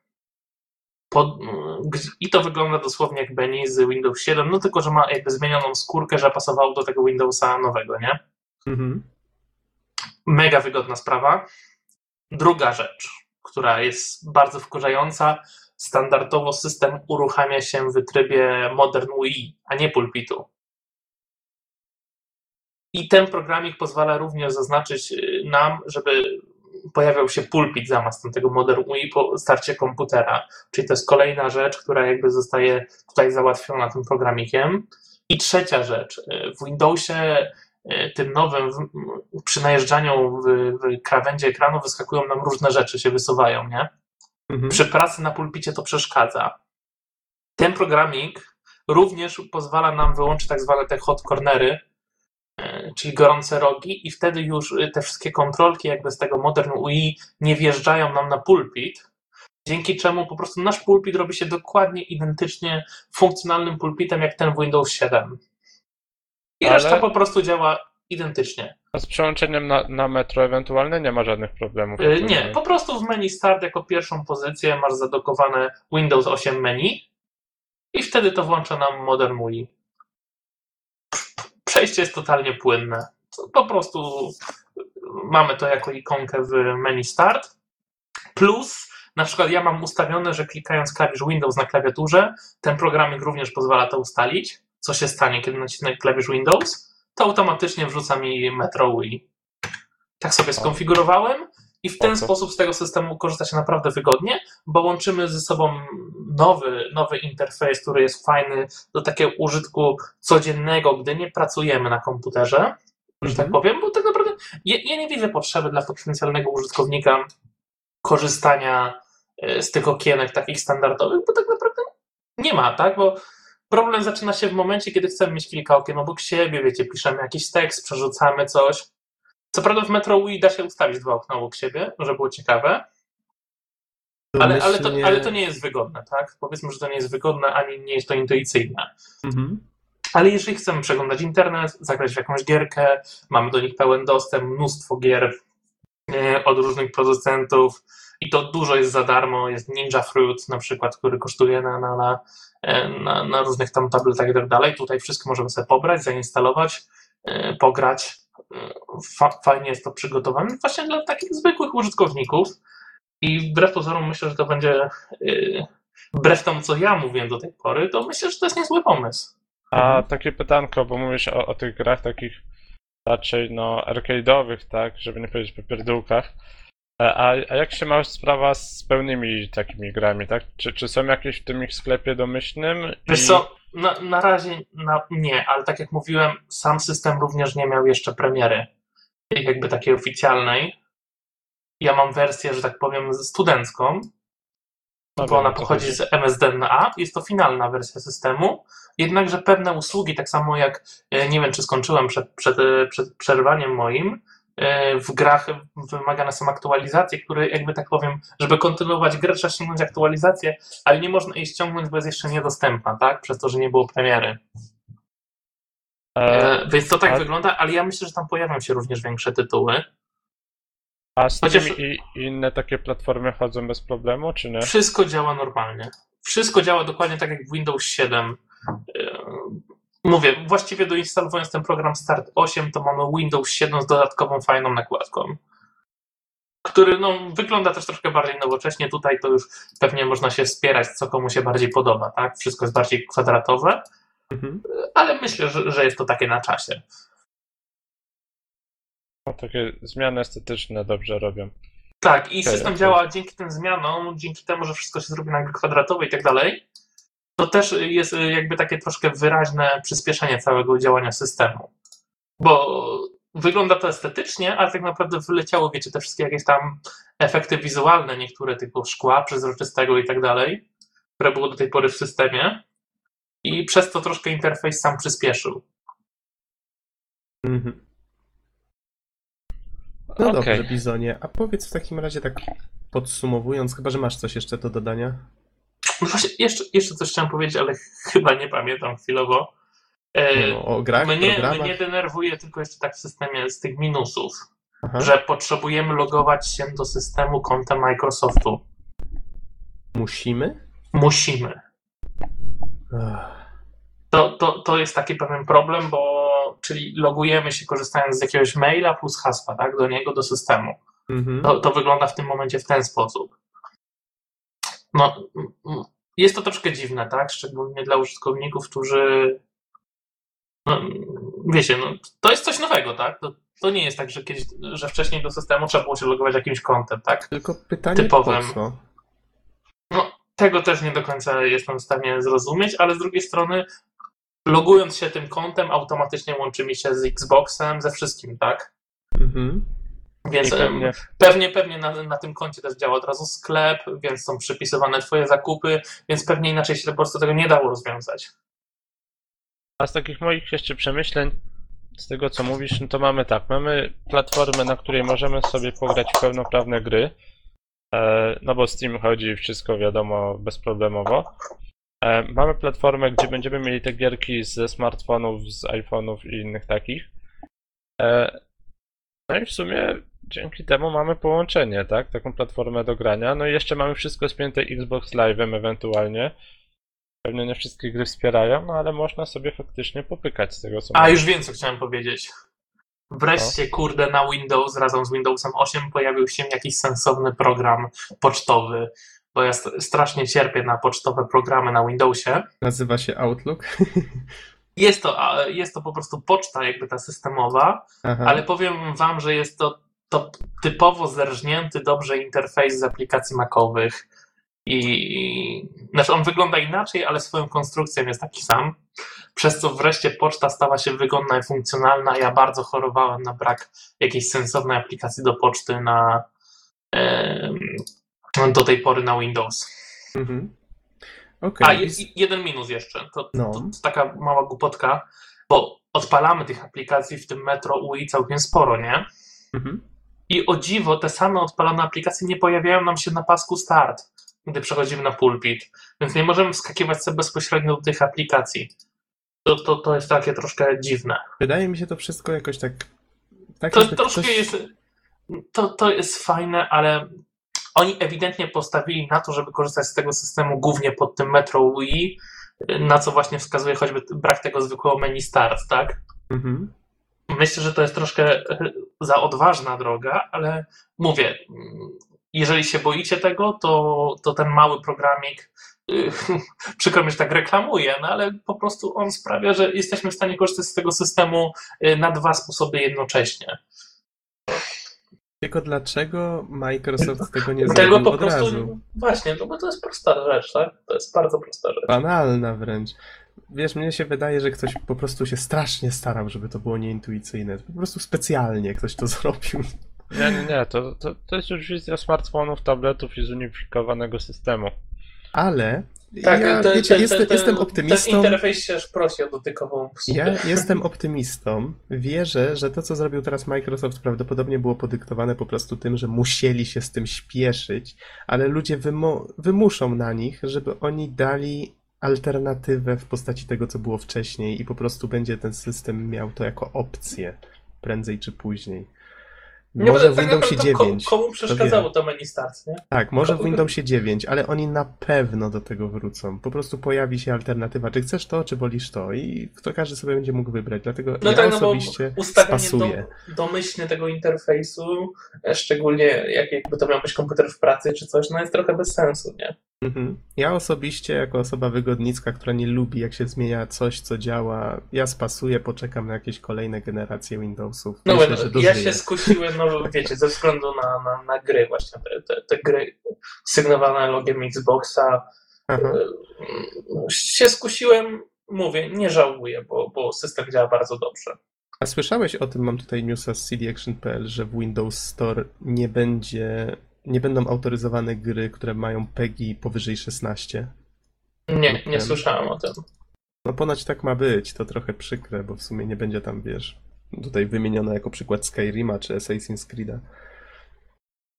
Znaczy oczywiście tylko w Windows Store, no bo każdy będzie mógł sobie tam grę zainstalować. Ja, ja czekam jeszcze, żeby Steam, wiecie coś, tak troszkę miał tutaj swoją apkę, Mhm. e, taką wpinaną e, normalnie, nie że jako tylko skrót do aplikacji, tylko jako jedno z tych takich bardziej tutaj natywnych okienek, żeby on się pojawił. I wtedy wróżę wielki sukces temu, że, że po prostu będziemy mogli się przełączać, tylko niech wprowadzą jeszcze jedną rzecz, którą po prostu nie jestem w stanie zrozumieć, czemu nie działa. No, Wyobrażacie sobie, że tego modernu i nie da się obsługiwać za pomocą pada od Xboxa? Przecież to się aż Eee. prosi. On wygląda identycznie właśnie jak, jak na Xboxie, a nie jesteśmy w stanie po tych kafelkach przeskakiwać padem. To wtedy po prostu wyobraźcie sobie, przeskakujemy padem, mamy jeszcze jako aplikację wpiętego Steama, który od razu się uruchamia w tym Big Picture Mode, mhm. by była 100% po prostu platforma multimedialna w salonie, obsługiwana padem. Mówię ci, że się śpieszyli. Wydaje mi się, że to było wszystko kwestią terminów. Dopięli to, co chcieli na najważniejsze, co dla nich było na ostatni guzik, a potem stwierdzili, że resztę dodadzą w następnych generacjach. Ktoś tam zresztą stwierdził, że y, ósemka jest w tej chwili tak jak, jak wcześniej Vista, że to jest taki, wiesz, etap przejściowy w pewnych zmianach. Na pewno dziewiątka, Tylko czy cokolwiek plus taki jest, że działa. inna. bo Vista nie działała. No, Nie, no Vista działała, przynajmniej ja, ja miałem po pierwszym serwis paku, no i sobie chwaliłem, dobrze. Ale, ale, jak wysz... ale to i tak, y, chyba najgorszy był chyba w historii Microsoftu Windows Me. Millennium. O, on w ogóle nie działał. Ja, ja go miałem 3 dni i wróciłem do wcześniejszej wersji. Czyli ósemka jest lepsza. Nie jest lepsza, jest inna. I moim zdaniem. Od milenium, znaczy się. E, tak. O, ale od siódemki. Ona nie jest lepsza, ona Aha. jest inna. I jest zdecydowanie lepsza dla takiego szeroko pod, e, pojętego rynku odbiorców, tak? Mhm. Okej, Bizonie, w takim razie, czy, czy już możemy to potraktować jako podsumowanie, czy jeszcze chcesz Tak, coś dodać? z- zdecydowanie tak. To już będzie podsumowanie. Okej, dobra. W takim razie myślę, że jednak wkleimy ten fragment zaraz po twojej poprzedniej wypowiedzi, żeby wszystko się kleiło ze sobą. My wsiadamy z powrotem do DeLoreana, wracamy do czasów, kiedy skończyliśmy już nagrywać podcast, a was zapraszamy na recenzję. No Jeżeli się nie pogubiliście, no to wiadomo do następnych podcastów. Tak. Trzymajcie się.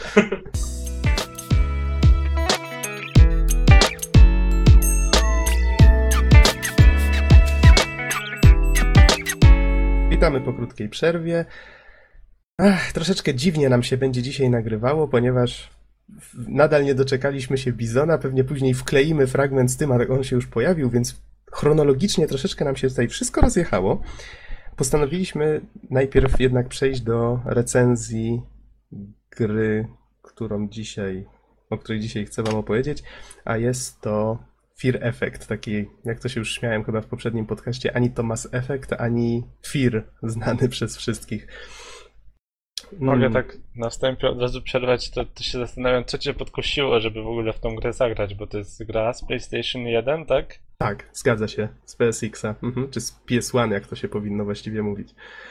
E, To jest bardzo dobre pytanie. Wiesz, właściwie nie pamiętam. To, to było tak, że chyba szukałem jakichś filmików na YouTubie związanych z Mass Effectem albo z Firem. Nie wiem, no właśnie tutaj zbieżność nazw zadecydowała i znalazłem jakieś zwiastuny. Gdzieś zacząłem potem czytać o tym, bo mnie to zainteresowało. Ogólnie rzecz biorąc, zwróciłem uwagę na to, że klimat jest jakiś taki trochę dziwny, taki troszeczkę, no nie wiem, Air Witch 3. Właśnie. dlaczego, Say akurat, what? dlaczego akurat trójka właśnie przyzwałeś demona Dona? Y... Nie, wiesz, to, to było takie połączenie, wydawało się takim połączeniem science fiction, ale z, z takimi elementami schizowymi, paranormalnymi, no i właściwie czymś takim się faktycznie okazało. Y, Tylko, że ja znowu po długiej przerwie po prostu pamiętałem o tej grze i w pewnym momencie się zorientowałem niedawno, że ona jest dostępna na PSN-ie za 8 zł albo 9, jakieś takie śmieszne pieniądze. Y, Dwie części, które wyszły. Trójka jeszcze była w, w produkcji, ale niestety firma, firma padła w trakcie jej tworzenia. Y, Czy właściwie inaczej to było? To jak czytałem na cioci Wikipedii, to ponoć było tak, że, że stracili dofinansowanie i nie znaleźli kolejnego wydawcy. I wtedy się już wszystko posypało. Grę, właściwie serię stworzyło Kronos Digital Entertainment i jedynka wyszła w 99 w Europie, w Stanach no, pod koniec stycznia 2000. Jak tutaj to określone jest to Action Adventure. Hmm. No właśnie, Action Adventure. Akcja i przygoda, nie? Akcja i Zajebiście. Myślę, że najważniejsze jest tutaj sobie przypomnieć, jak wyglądały tego typu gry na PS1, na PlayStation 1. Weźcie sobie na przykład, przypomnijcie pierwszego Residenta, pierwszego Silent Hilla. To wszystko były takie gry, w których kierowaliśmy postacią. Patrzyliśmy na akcje z konkretnych kamer umiejscowionych, tła były prerenderowane. Właśnie to, był taki specjalny zabieg, żeby gracz nie mógł ruszać kamerą, bo wtedy całe środowisko musiało być trójwymiarowe. Z kolei, jeżeli jest prerenderowanym obrazkiem, to wtedy można je bardziej dopieścić, wstawić po prostu nieruchomą kamerę i wrzucić gracza, który jest trójwymiarowy właśnie w tym, w to środowisko. Postać się porusza w taki sposób, żeby to wyglądało tak, jakby ona była razem z tym tłem. Ale też jest- chciałbym zauważyć, Nox, Mhm. że generalnie to nie jest tylko jakby yy, monopol dla konsol, też starsze gry na PC-ta też dokładnie takie same metody wykorzystywały. Niech Samo no, zgadnę, Nocturne, Blair Witch, cała seria, no i wiele, wiele innych. Mi tutaj właśnie myślałem, że wspomnisz jeszcze jeden tytuł, który mi przyszedł nawet, nawet skojarzył, skojarzyły mi się tutaj niektóre momenty, być może nawet był inspiracją tutaj. Yy, Mianowicie Alone in the Dark. Też. To jest dokładnie ten sam, ten sam rodzaj gry, powiedziałbym. Mhm.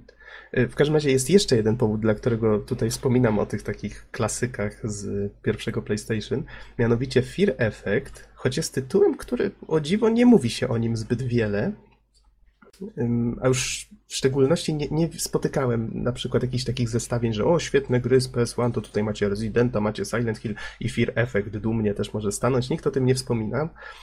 A się okazuje, że ta gierka faktycznie jest dość nietypowa pod wieloma względami. Między innymi właśnie ze względów technicznych, bo tak jak wszyscy stosowali te prerenderowane tła, tak samo tutaj nagle się okazuje, że idziemy sobie no, postacią, bo tu właściwie mamy, mamy trio, trio bohaterów, jedną bohaterkę, dwóch bohaterów i jak kierujemy postacią, to czasami się na przykład coś zaczyna ruszać w tle, albo jakieś wiatraki pracują. No czegoś takiego na prerenderowanym tle nie da się zrobić, prawda? Oni zaczęli wklejać w to, to prerenderowane tło filmiki i to działa zajebiście. Wygląda świetnie i no, E. wiecie, nie chcę się tutaj y, zachwycać nad tym, jakby to był Crysis czy coś, ale jak na tamte czasy, to faktycznie gra od, odchodzi jakby No właśnie, na tamte Wyraźnie. czasy, tak? Zaznaczmy Tak, to. Pamiętajcie zaznaczam- cały czas, że to jest PlayStation 1. Tak, zaznaczam wyraźnie, że to jest PlayStation 1 i jak na tamte standardy gra wygląda super i stosuje kilka takich prostych trików właśnie z mieszaniem grafiki dwuwymiarowej z filmikami, że tła faktycznie wyglądają żywiej i nie ma się takiego wrażenia, że poruszamy tą postacią w takim w sumie sztucznym środowisku. Hmm, Więc to- to jest właśnie taka techniczna sprawa, która bardzo mi się spodobała. Muzyka jest też świetna, tak jeżeli już mówimy o takiej kwestii mm, graf... znaczy, no, audiowizualnej. Dobrze, ale o czym właściwie jest ta gra? Hm. Żebym tutaj nie pomylił paru imion, nie mam tutaj żadnej ściągawki, to mnie najbardziej boli. Historia w każdym razie zaczyna się dość nietypowym intrem, na którym no, jakaś dziewczyna opowiada nam o tym, jakie to życie kiedyś y, miała, spokojne i tak dalej, ale no, widzimy tutaj pochód, jakiś pogrzeb i ona zaczyna tutaj mówić o bólu, cierpieniu, wiecie, tak człowiek zaczyna myśleć, what the fuck, nie? Zbliża się morderca, podrzyna jej gardło i ona mówi, że, że no i nie zawiodłam się, nie? I człowiek wtedy, what the fuck, co ja właśnie oglądam? O, brzmi fajnie, ci, bo dzisiejsze fabuły w większości gier są banalne, a to brzmi ciekawie, ciekawie. Dziewucha mówi, że ten, że nigdy nie zaznała w życiu bólu i teraz wiedziała, że się zbliża i się nie zawiodła, nie? I nagle ciach, podrzynają jej gardło, no i fajna, fajna muzyka zaczyna lecieć i człowiek mówi, wow, wow, okej, chyba warto się z tym zapoznać dalej, nie? Okazuje się, że akcja gry cofa nas 24 godziny przed tym intrem i zostajemy zapoznani z na początku dwójką z tej trójki bohaterów, Całe trio zresztą to są najemnicy, którzy postanowili znaleźć właśnie tą dziewczynę, którą widzimy w intrze.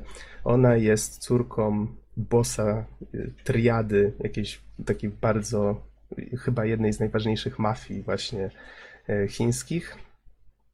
I znaczy jednej z triad, tak? Bo dobrze myślę, triada to jest po prostu określenie chińskiej mafii. E, Nie wiem, nie znam się na chińskich mafiach, sorry. W każdym razie tak, on jest bossem jednej z najważniejszych triad w Hongkongu. O, może tak będzie prościej. No i córka mu uciekła i oni postanowi, oni się o tym dowiedzieli w jakiś sposób przez swojego informatora, postanowili, że dotrą do niej pierwsi, żeby żądać za nią okupu.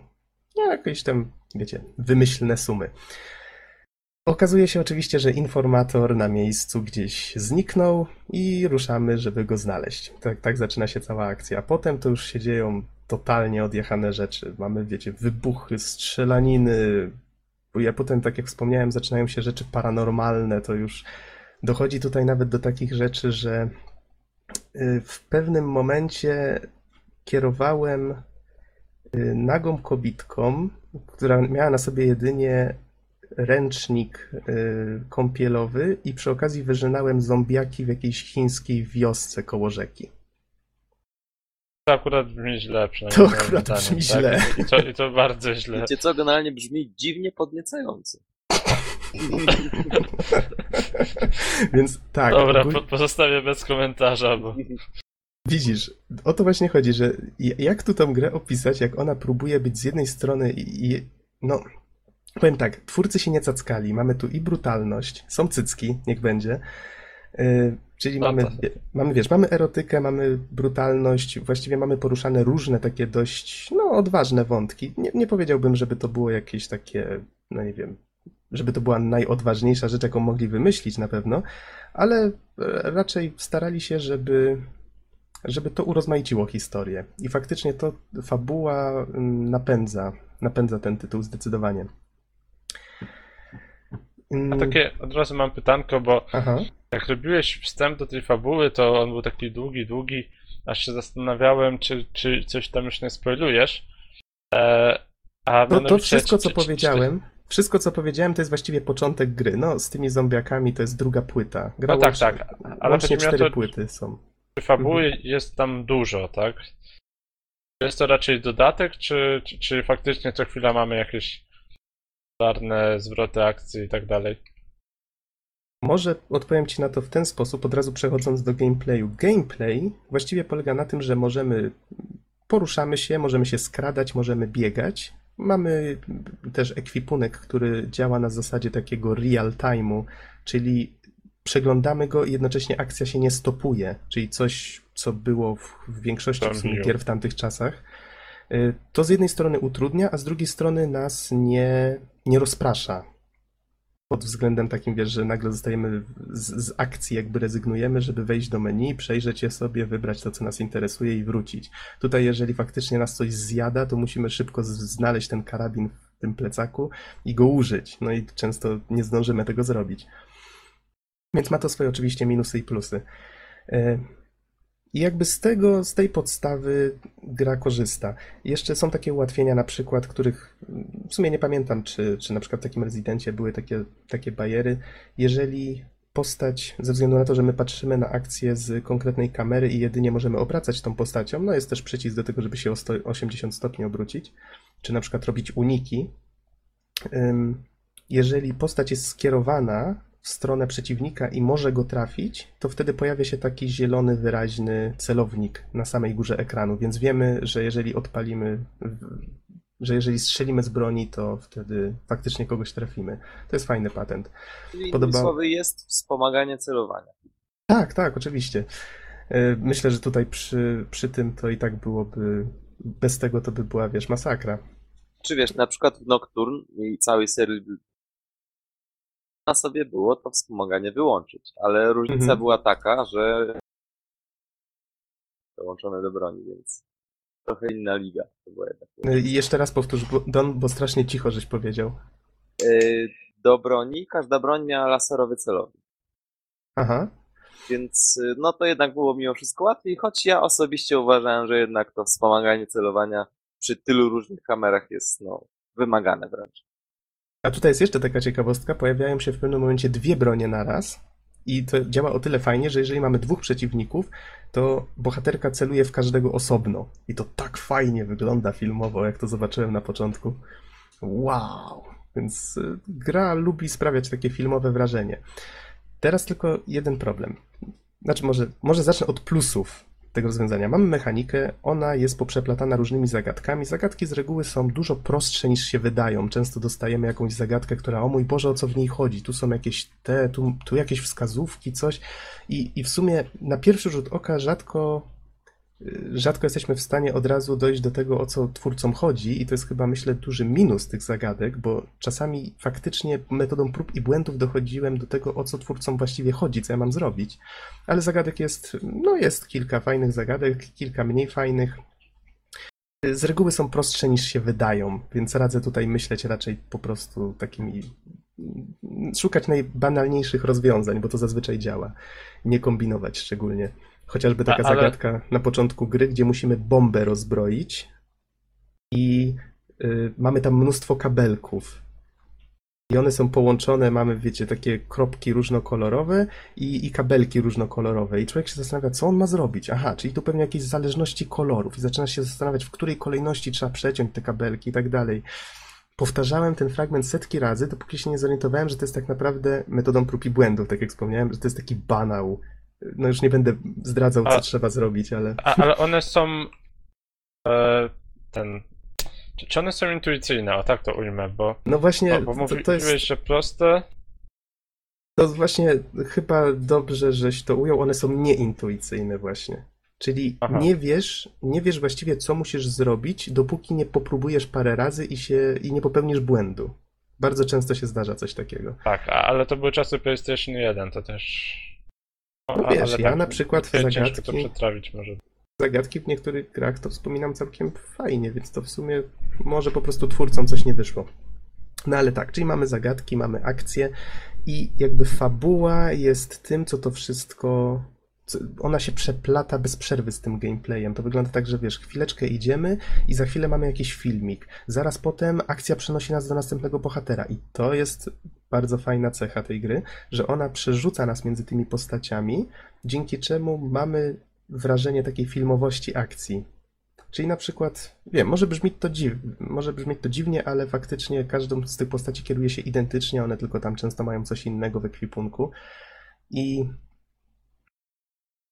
i na przykład weźmy tako, taką sytuację, że coś się stało z jednym bohaterem, ktoś mu nagle celuje z broni w głowę i przeskakujemy do następnej postaci, co nie? I niby plansza jest ta sama, kierujemy w tym samym miejscu, ale, ale jakby mamy świadomość, że kierujemy jakby że, że, że jest to coś takiego na pograniczu troszeczkę takiej filmowej akcji jak gry, co nie? Chwilami mi się to skojarzyło, tak zacząłem mieć takie myśli, że w sumie y, David, Cage, David Cage z Fahrenheitem i z Heavy Rainem to tak wiecie. Niby się mówi, że to takie było innowacyjne, a tutaj już takie próby robienia takich bardziej filmowych gier to już były od dawien dawna. Pewnie jeszcze tutaj dawniej niż w tym przypadku. No ale to odkładając to na bok. W każdym razie fabuła popycha tę grę do przodu i myślę, że jak ktoś skończy, to jest raczej taka gra na raz. Nie, nie widziałem, żeby to było coś takiego na New Game Plus, więc faktycznie dla fabuły warto, warto w tę grę zagrać. Fabuła ma pięć zakończeń. Tego od razu tutaj muszę zaznaczyć, że cztery z nich właściwie jest to jedynie kwestia tego, co się zrobi od ostatniego save'a. Z kolei ostatnie najlepsze zależy od tego, czy przeszliśmy ją na hardzie. No to już nie byłem taki odważny, po prostu obejrzałem sobie to zakończenie na YouTube. A dużo się różnią, tak z ciekawości, czy to jest raczej kwestia kosmetyczna? Y, Raczej nie jest kosmetyczna. Problem jest taki, że są dość krótkie. Czyli nie ma tutaj jakiejś takiej długiej puenty, którą można się napawać, tylko po prostu, no, stało się to i to, ciach. Okej, więc są jakieś tam filmiki, ale myślę, że tutaj twórcom zabrakło troszeczkę tego wyczucia, żeby tą, tą grę faktycznie tak zakończyć, żeby zapadało w pamięć. No, wiecie, chociażby takie zakończenie Metal Gear Solid, co nie? Co oglądasz, oglądasz i wow, oglądasz. Trwa i trwa. I trwa, i trwa, i trwa. I, I wiesz, że po coś tą grę skończyłeś, nie? Żeby je, żeby je obejrzeć. No to tutaj czegoś takiego nie ma. E, Słuchaj, no chcę generalnie obejrzałem Mhm. sobie tutaj na YouTubie kawałek gameplayu tego.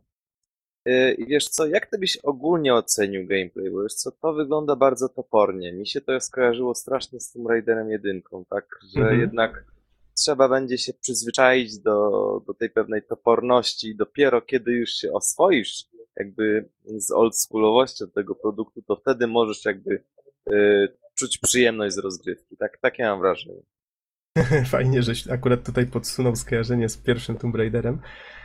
Bo pierwsza Lara, tak na dobrą sprawę, była jeszcze bardziej smukła, zwinna od tego, co tutaj widzisz. Myślę, że to nie tylko jest problem Fear Effecta, ale też Resident Evil i Silent Hill. To wszystko są gry, w których faktycznie bohaterowie sprawiają wrażenie, jakby kij połknęli. I to faktycznie jest cecha wspólna tych gier. W tym przypadku i tak miałem wrażenie, że jest lepiej, bo możemy się skradać, możemy robić uniki. Już nie pamiętam, jak to było w tamtych, w tamtych poprzednich wymienionych tytułach. Ale tutaj faktycznie odniosłem wrażenie, że jest lepiej. E, Skradanie się co prawda nie jest jakimś takim integralną, nie jest jakąś taką integralną częścią gameplayu. Jest parę miejsc, gdzie to się przydaje, ale na, na początku faktycznie twórcy dają nam okazję do tego, żeby się skradać. Ja początkowo myślałem, że to jest skradanka. Ale bardzo szybko okazało się, że już po chwili napotykam sytuację, w której właściwie y, nie jestem w stanie wyjść z niej bez strzelania do wszystkiego, co się rusza i w sumie gra tym dalej, tym coraz rzadziej daje nam okazję do tego, żeby coś wykończyć po cichu, z czasem stając się taką trochę, że, trochę bardziej psychodeliczną rozróbą, że tak to ujmę. No wiesz co, właśnie jak, jak oglądałem kawałek tego gameplayu, no to to wyglądało tak. Kolejny ekran, pyk, pyk, pyk, postrzelaniny, kolejny ekran, pyk, pyk, Mhm. pyk, trzech przeciwników, kolejny ekran. O, wszedłem w ścianę na, na trzecim ekranie, więc Dlatego tak, tak, tak jak dalej. ci, tak jak mówiłem już wcześniej, to to, co popycha tą grę do przodu, to zdecydowanie fabuła. I to najbardziej zachęca do tego, żeby patrzeć, co się dzieje dalej. A powiedz mi, który to jest je- rok? Jeszcze raz? Y, To było 99? Tak, to było, gra została stworzona w 99. Wiesz co, właśnie kurczę, yy, no ja jestem jednak yy, uwięziony w kontekście nokturnów i tak dalej, więc, więc, więc jednak przyrównam Mhm. do tejże gry znowuż. Moim zdaniem Nocturne przy tej grze, znaczy no tak wizualnie, oglądając gameplay, no to to jest szczyt technologii. To jest, nie wiem, to jest kurde Zwróć uwagę, że niedługo później. Zwróć uwagę, że niedługo później mm, ukazał się już, e, ukazało się już drugie PlayStation, więc to wiesz, jednak. To, to jednak gra, która no, wyszła na konsolę, która już wtedy była dość, dość stara. No może bez przesady, kiedy PlayStation pierwsze wyszło. Teraz rzucę okiem. Mm, 94 w Japonii, pod koniec 94. No więc wtedy to już był sprzęt, wiesz, prawie że antyczny, prawda? No a sama gra już tym bardziej antyczna się wydaje. Ale, ale starała się, naprawdę. Muszę ci przyznać, że jak na, jak na możliwości PlayStation, to, to gra faktycznie robi wrażenie. W każdym razie, fabuła jest rozdzielona na cztery płyty. Właściwie każda płyta to jest takie troszeczkę. Fajnie to zrobiono, bo yy, każda płyta to jest inne miejsce akcji, taki trochę inny rozdział bym to ujął. Mamy pierwszą, która się właśnie tam dzieje na jakimś wieżowcu, druga właśnie na przykład w tej wiosce, o której wspomniałem, tak wiadomo mniej więcej co się. Yy, wiadomo czego się spodziewać, czyli że jakby kolejna płyta to kolejny jakiś fragment historii, taki zamknięty. Mm, Można powiedzieć akt. tak, tak, dokładnie. Zgadza się. To jest dobre, bo jeżeli ktoś kiedyś pożyczał płyty pojedyncze od kolegi, bo takie czasy były wtedy, nie? Mhm. To Może sobie rozdziały na tej zasadzie zamknięte. Mhm, ja tu sobie tak patrzę, jeszcze co ja sobie tutaj jakie hasła, słowa kluczowe sobie ponotowałem, żeby pamiętać, żeby o czymś wspomnieć. Na przykład dziwne zasady rządzące zdrowiem. Mamy tutaj zdrowie podane w formie takiego, nie wiem jak to się nazywa, EKG? Leci, serca. tak, leci taka linia, tak, i, i bije serce i ona jest zielona, jeżeli tracimy energię, to wtedy przyspiesza i robi się czerwona w krytycznych sytuacjach. Problem jest taki, że nie do końca wiedziałem nigdy, y, jakimi zasadami to się rządzi. Jeżeli straciłem zdrowie, no to ono cały czas było na tym samym poziomie. W niektórych miejscach widać było, że twórcy specjalnie na przykład dodali mi zdrowia, ale zdarzało się, że jak postać zobaczyła coś takiego, nie wiem, jak bossa albo coś w tym rodzaju, wiecie, super strasznego, to nagle zdrowie jej spadło do połowy, co nie? Znaczy, inaczej serce zaczęło jej szybciej bić. Więc to było takie trochę, trochę dziwne z jednej strony. Y, Potyczek z bossami jest tu, no, od czasu do czasu się jakaś zdarzy. One są, podobnie jak cała gra, niestety tutaj to jest taki wspólny mankament całego tego gameplayu. Ta gra to jest jedna wielka pamięciówka. I w tych takich miejscach, gdzie po prostu musimy się przecisnąć między strażnikami, albo w momencie, jak walczymy z bossem, będziemy powtarzać, znaczy będziecie powtarzać te fragmenty, jak zagracie prawdopodobnie wiele, wiele razy. I choć gra, jak, się, jak sobie tak teraz pomyślę, ona nie jest jakoś szczególnie długa, to myślę, że tak każdy rozdział to zajmuje, no nie wiem, z godzinkę, dwie może, zależy jaki był trudny. Myślę, że tym dalej, tym częściej powtarzałem, ale właśnie gdyby go przejść bez śmierci, to, to myślę, że gra byłaby raczej krótka, nie za długa. A, a co rozumiesz przez krótka? Czasy PlayStation 1 to krótka to 20 godzin. Hmm. No tak jak mówię, ja bym tak stawiał na godzinkę, na, na płytę, może nawet mniej. Jeżeli Aż wiesz, tak? co Coś robisz. około pięciu godzin. Pięciu, sześciu. Może Myślę, mniej. Wiesz, tak jak mówię, ciężko mi, ciężko mi to zmierzyć, bo na przykład pierwszą płytę gra teoretycznie mierzy czas, ale tylko w obrębie chyba kierowania jedną postacią, albo tylko w obrębie płyty. Nie, nie jestem tutaj pewien. Mam wrażenie, że jak skończyłem pierwszą płytę, to miałem godzinę, a powtarzałem sporo rzeczy w trakcie. Z kolei kolejne płyty już mam wrażenie, że zajmowały mi trzecia chyba i czwarta zajęły mi już trochę dłużej, bo tam powtarzałem jeszcze parę fragmentów, więc ogólnie rzecz biorąc nie jest to gra długa, ale na pewno spędzicie z nią troszeczkę czasu. Za tą kasę nie jest to, myślę, mankament żadny. To, co jest tutaj, y, to, co jest tutaj ważniejsze, to to, że nie każdy musi lubić taki rodzaj gameplayu, że to faktycznie jest takie, wiecie, że trial and error, że musicie popełnić faktycznie ten błąd kilka razy, żeby się domyślić na przykład, co zrobić. I to, tak jak mówiłem wcześniej o zagadkach, tak samo to dotyczy też y, niektórych innych fragmentów gry, więc mam wrażenie, że twórcy troszeczkę poszli tu w takim kierunku. mm, Jakaś gra mi tu przychodzi na myśl, w której to bardzo podobnie wyglądało. Może Another World? Albo y, przygody Abe'a, Abe's Odyssey. Też było tak, że wiele fragmentów pra- trzeba było powtarzać wiele razy, żeby faktycznie dowiedzieć się, co zrobić, w jaki sposób i dopiero wtedy jakby przejść do działania, za którym się razem się w końcu uda. To trochę jak w Limbo. Nie? Tak, Limbo często Znaczy, Limbo tylko na początku. Potem już Tak, tak, pewnych fak- zasad.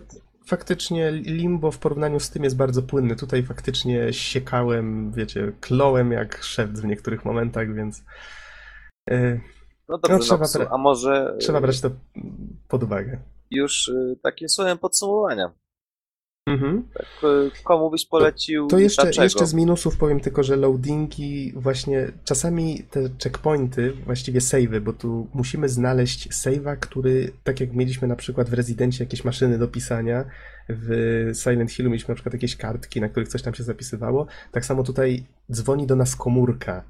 Przechodzimy gdzieś, nagle tru, tru, tru, tru, i my musimy wtedy wybrać komórkę z ekwipunku, co jest też upierdliwe, włączyć ją i wtedy możemy zapisać na jednym z czterech slotów na kartę pamięci. I problem jest taki, że te miejsca są niewidzialne. No wiadomo, bo to po prostu komórka do nas dzwoni. Ona dzwoni tylko w wybranym punkcie. Więc jeżeli na przykład... i raz, jak rozumiem, tak? Nie, nie, nie. Ilekrotnie razy podejdziesz do danego punktu, tyle ona zadzwoni, więc to, to nie jest ważne, ale chodzi o to, że musisz ten punkt dotknąć. I zdarzało się w grze, że mijałem save'a, bo go po prostu nie zauważyłem. To jest problem i to duży problem czasami w tej grze.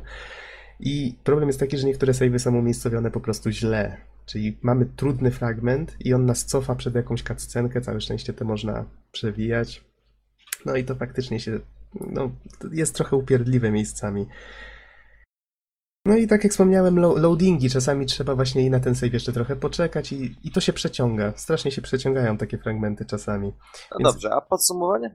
Więc podsumowując, mamy tutaj gierkę, która jest fajnie zrobiona, ładnie wygląda, bo ma stylizowaną grafikę, nawet do dzisiaj całkiem fajnie to wygląda, fajnie Właśnie, te... bo, No, bo jak patrzyłem, to nie wiem, wiesz, ja, jakość filmiku była kiepska, no bo gra stara Mhm. i tak dalej, ale to wyglądało na takie trochę właśnie stylizowane na, na, anime. e, na Borderlandsy, że to tak taką grafikę rysowaną. To znaczy, wiesz jak to jest zrobione, bo o tym w sumie nie wspomniałem, a to jest myślę bardzo ważne w tym przypadku. Yy, próbowano zatrzeć granicę między filmikiem prerenderowanym a gameplayem. To, co często twórcom się. Twórcy właściwie często odbiegali od tego w grach na PS1, na przykład Kadalka, o której mówiłem z jakieś 4 miesiące temu, już nie pamiętam. Tam było tak, że gameplay wyglądał zupełnie inaczej, filmiki wyglądały zupełnie inaczej, czyli wiecie, twórcy korzystali z tego, że w prerenderowanym filmiku wszystko może być realistyczniejsze i tak dalej, i tak dalej. Tu tego nie zrobili, starali się, żeby prerenderowane filmiki były jak najbardziej zbliżone do tego, jak wygląda gra i to w sumie im się udało. Mimika twarzy, żeby było śmieszniej, nie jest wykonana na modelach, ona jest wykonana na teksturze. Mamy, wszystko jest tak fajnie zrobione, właśnie jak mówisz, że takie jest troszeczkę animowane, troszeczkę takie ani- anime, nawet chyba podchodzi pod anime, zdziebko. I mamy, wiecie, na teksturze namalowane takie wyraźne oczy, usta i faktycznie to się tak porusza w miarę, w miarę sensownie. No już wiem, że to dzisiaj nie wygląda tak fajnie, ale w porównaniu na przykład z takim Metal Gearem pierwszym, w którym głowy się, wiecie, latały głowy, bo nie miały fak- faktycznie żadnej mimiki, no to tu wygląda to dużo, dużo zdecydowanie lepiej. No i oczywiście wszystkie dialogi są, mają podkładany głos przez aktorów. Bardzo fajnie to wyszło. Myślę, że całość na tym bardzo zyskuje. No i podsumowując, mała kasa, fajna gra, są cycki, jest akcja, jest dużo dziwnych rzeczy, troszeczkę schizy miejscami. Ogólnie rzecz biorąc, myślę, że jeżeli kogoś nie odstrasza to, że jest dużo kombinowania, powtarzania tych samych fragmentów, to jest najbardziej męczące, to myślę, że jeżeli to kogoś nie odstrasza, to jak najbardziej powinien spróbować. I grafika z czasów PlayStation 1, tak? Ja wiem, Lepsza.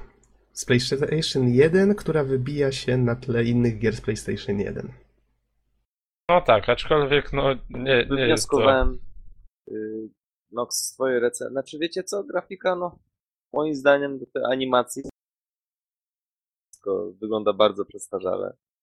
Y, Z całej recenzji twojej Nox właściwie wyciągnąłem jedną najważniejszą rzecz, że Są Eee, cycki. Są cycki. nie, inną, Nie? inną najważniejszą, że, y, że raczej ta gra nadaje się dla tych ludzi, którzy chcą się bardziej jakby zagłębić w jej historię. Mhm. No, no i oczywiście, no ten toporny gameplay, jeśli troszeczkę się już z nim oswoją, no to, no to faktycznie da się to przełknąć. No i tak jak powiedziałem też wcześniej, czerpać e, przyjemność z, z historii, którą, jak nakreśliłeś, no jest całkiem interesująca. Znaczy, no wiesz, widać, że twórcy pisząc tą historię chcieli, żeby po pierwsze była nietypowa, no bo tak jak wspomniałem, mamy tutaj, wiesz, i, i brutalność, i erotykę, tak się mieszają w sumie różne takie rzeczy, których zazwyczaj się w grach, zazwyczaj się w grach pomija, żeby się lepiej sprzedała, prawda? No to tutaj starali się być trochę bardziej oryginalni, no i z drugiej strony też nie bali się fanserwisu, no. Wiesz, Poczekaj, scena, poczekaj. scena prysznicowa musi być, nie?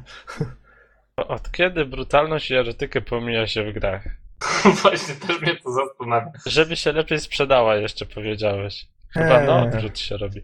Znaczy, Może- Im więcej może inaczej. i krwi, tym się lepiej sprzedaje. To tak, a, ale pode... nie no, to, tak żartuję, bo podejrzewam, że chodzi ci Mhm. o brutalność taką na serio, bo my mamy taką brutalność komiksową w grach przedstawianą zazwyczaj.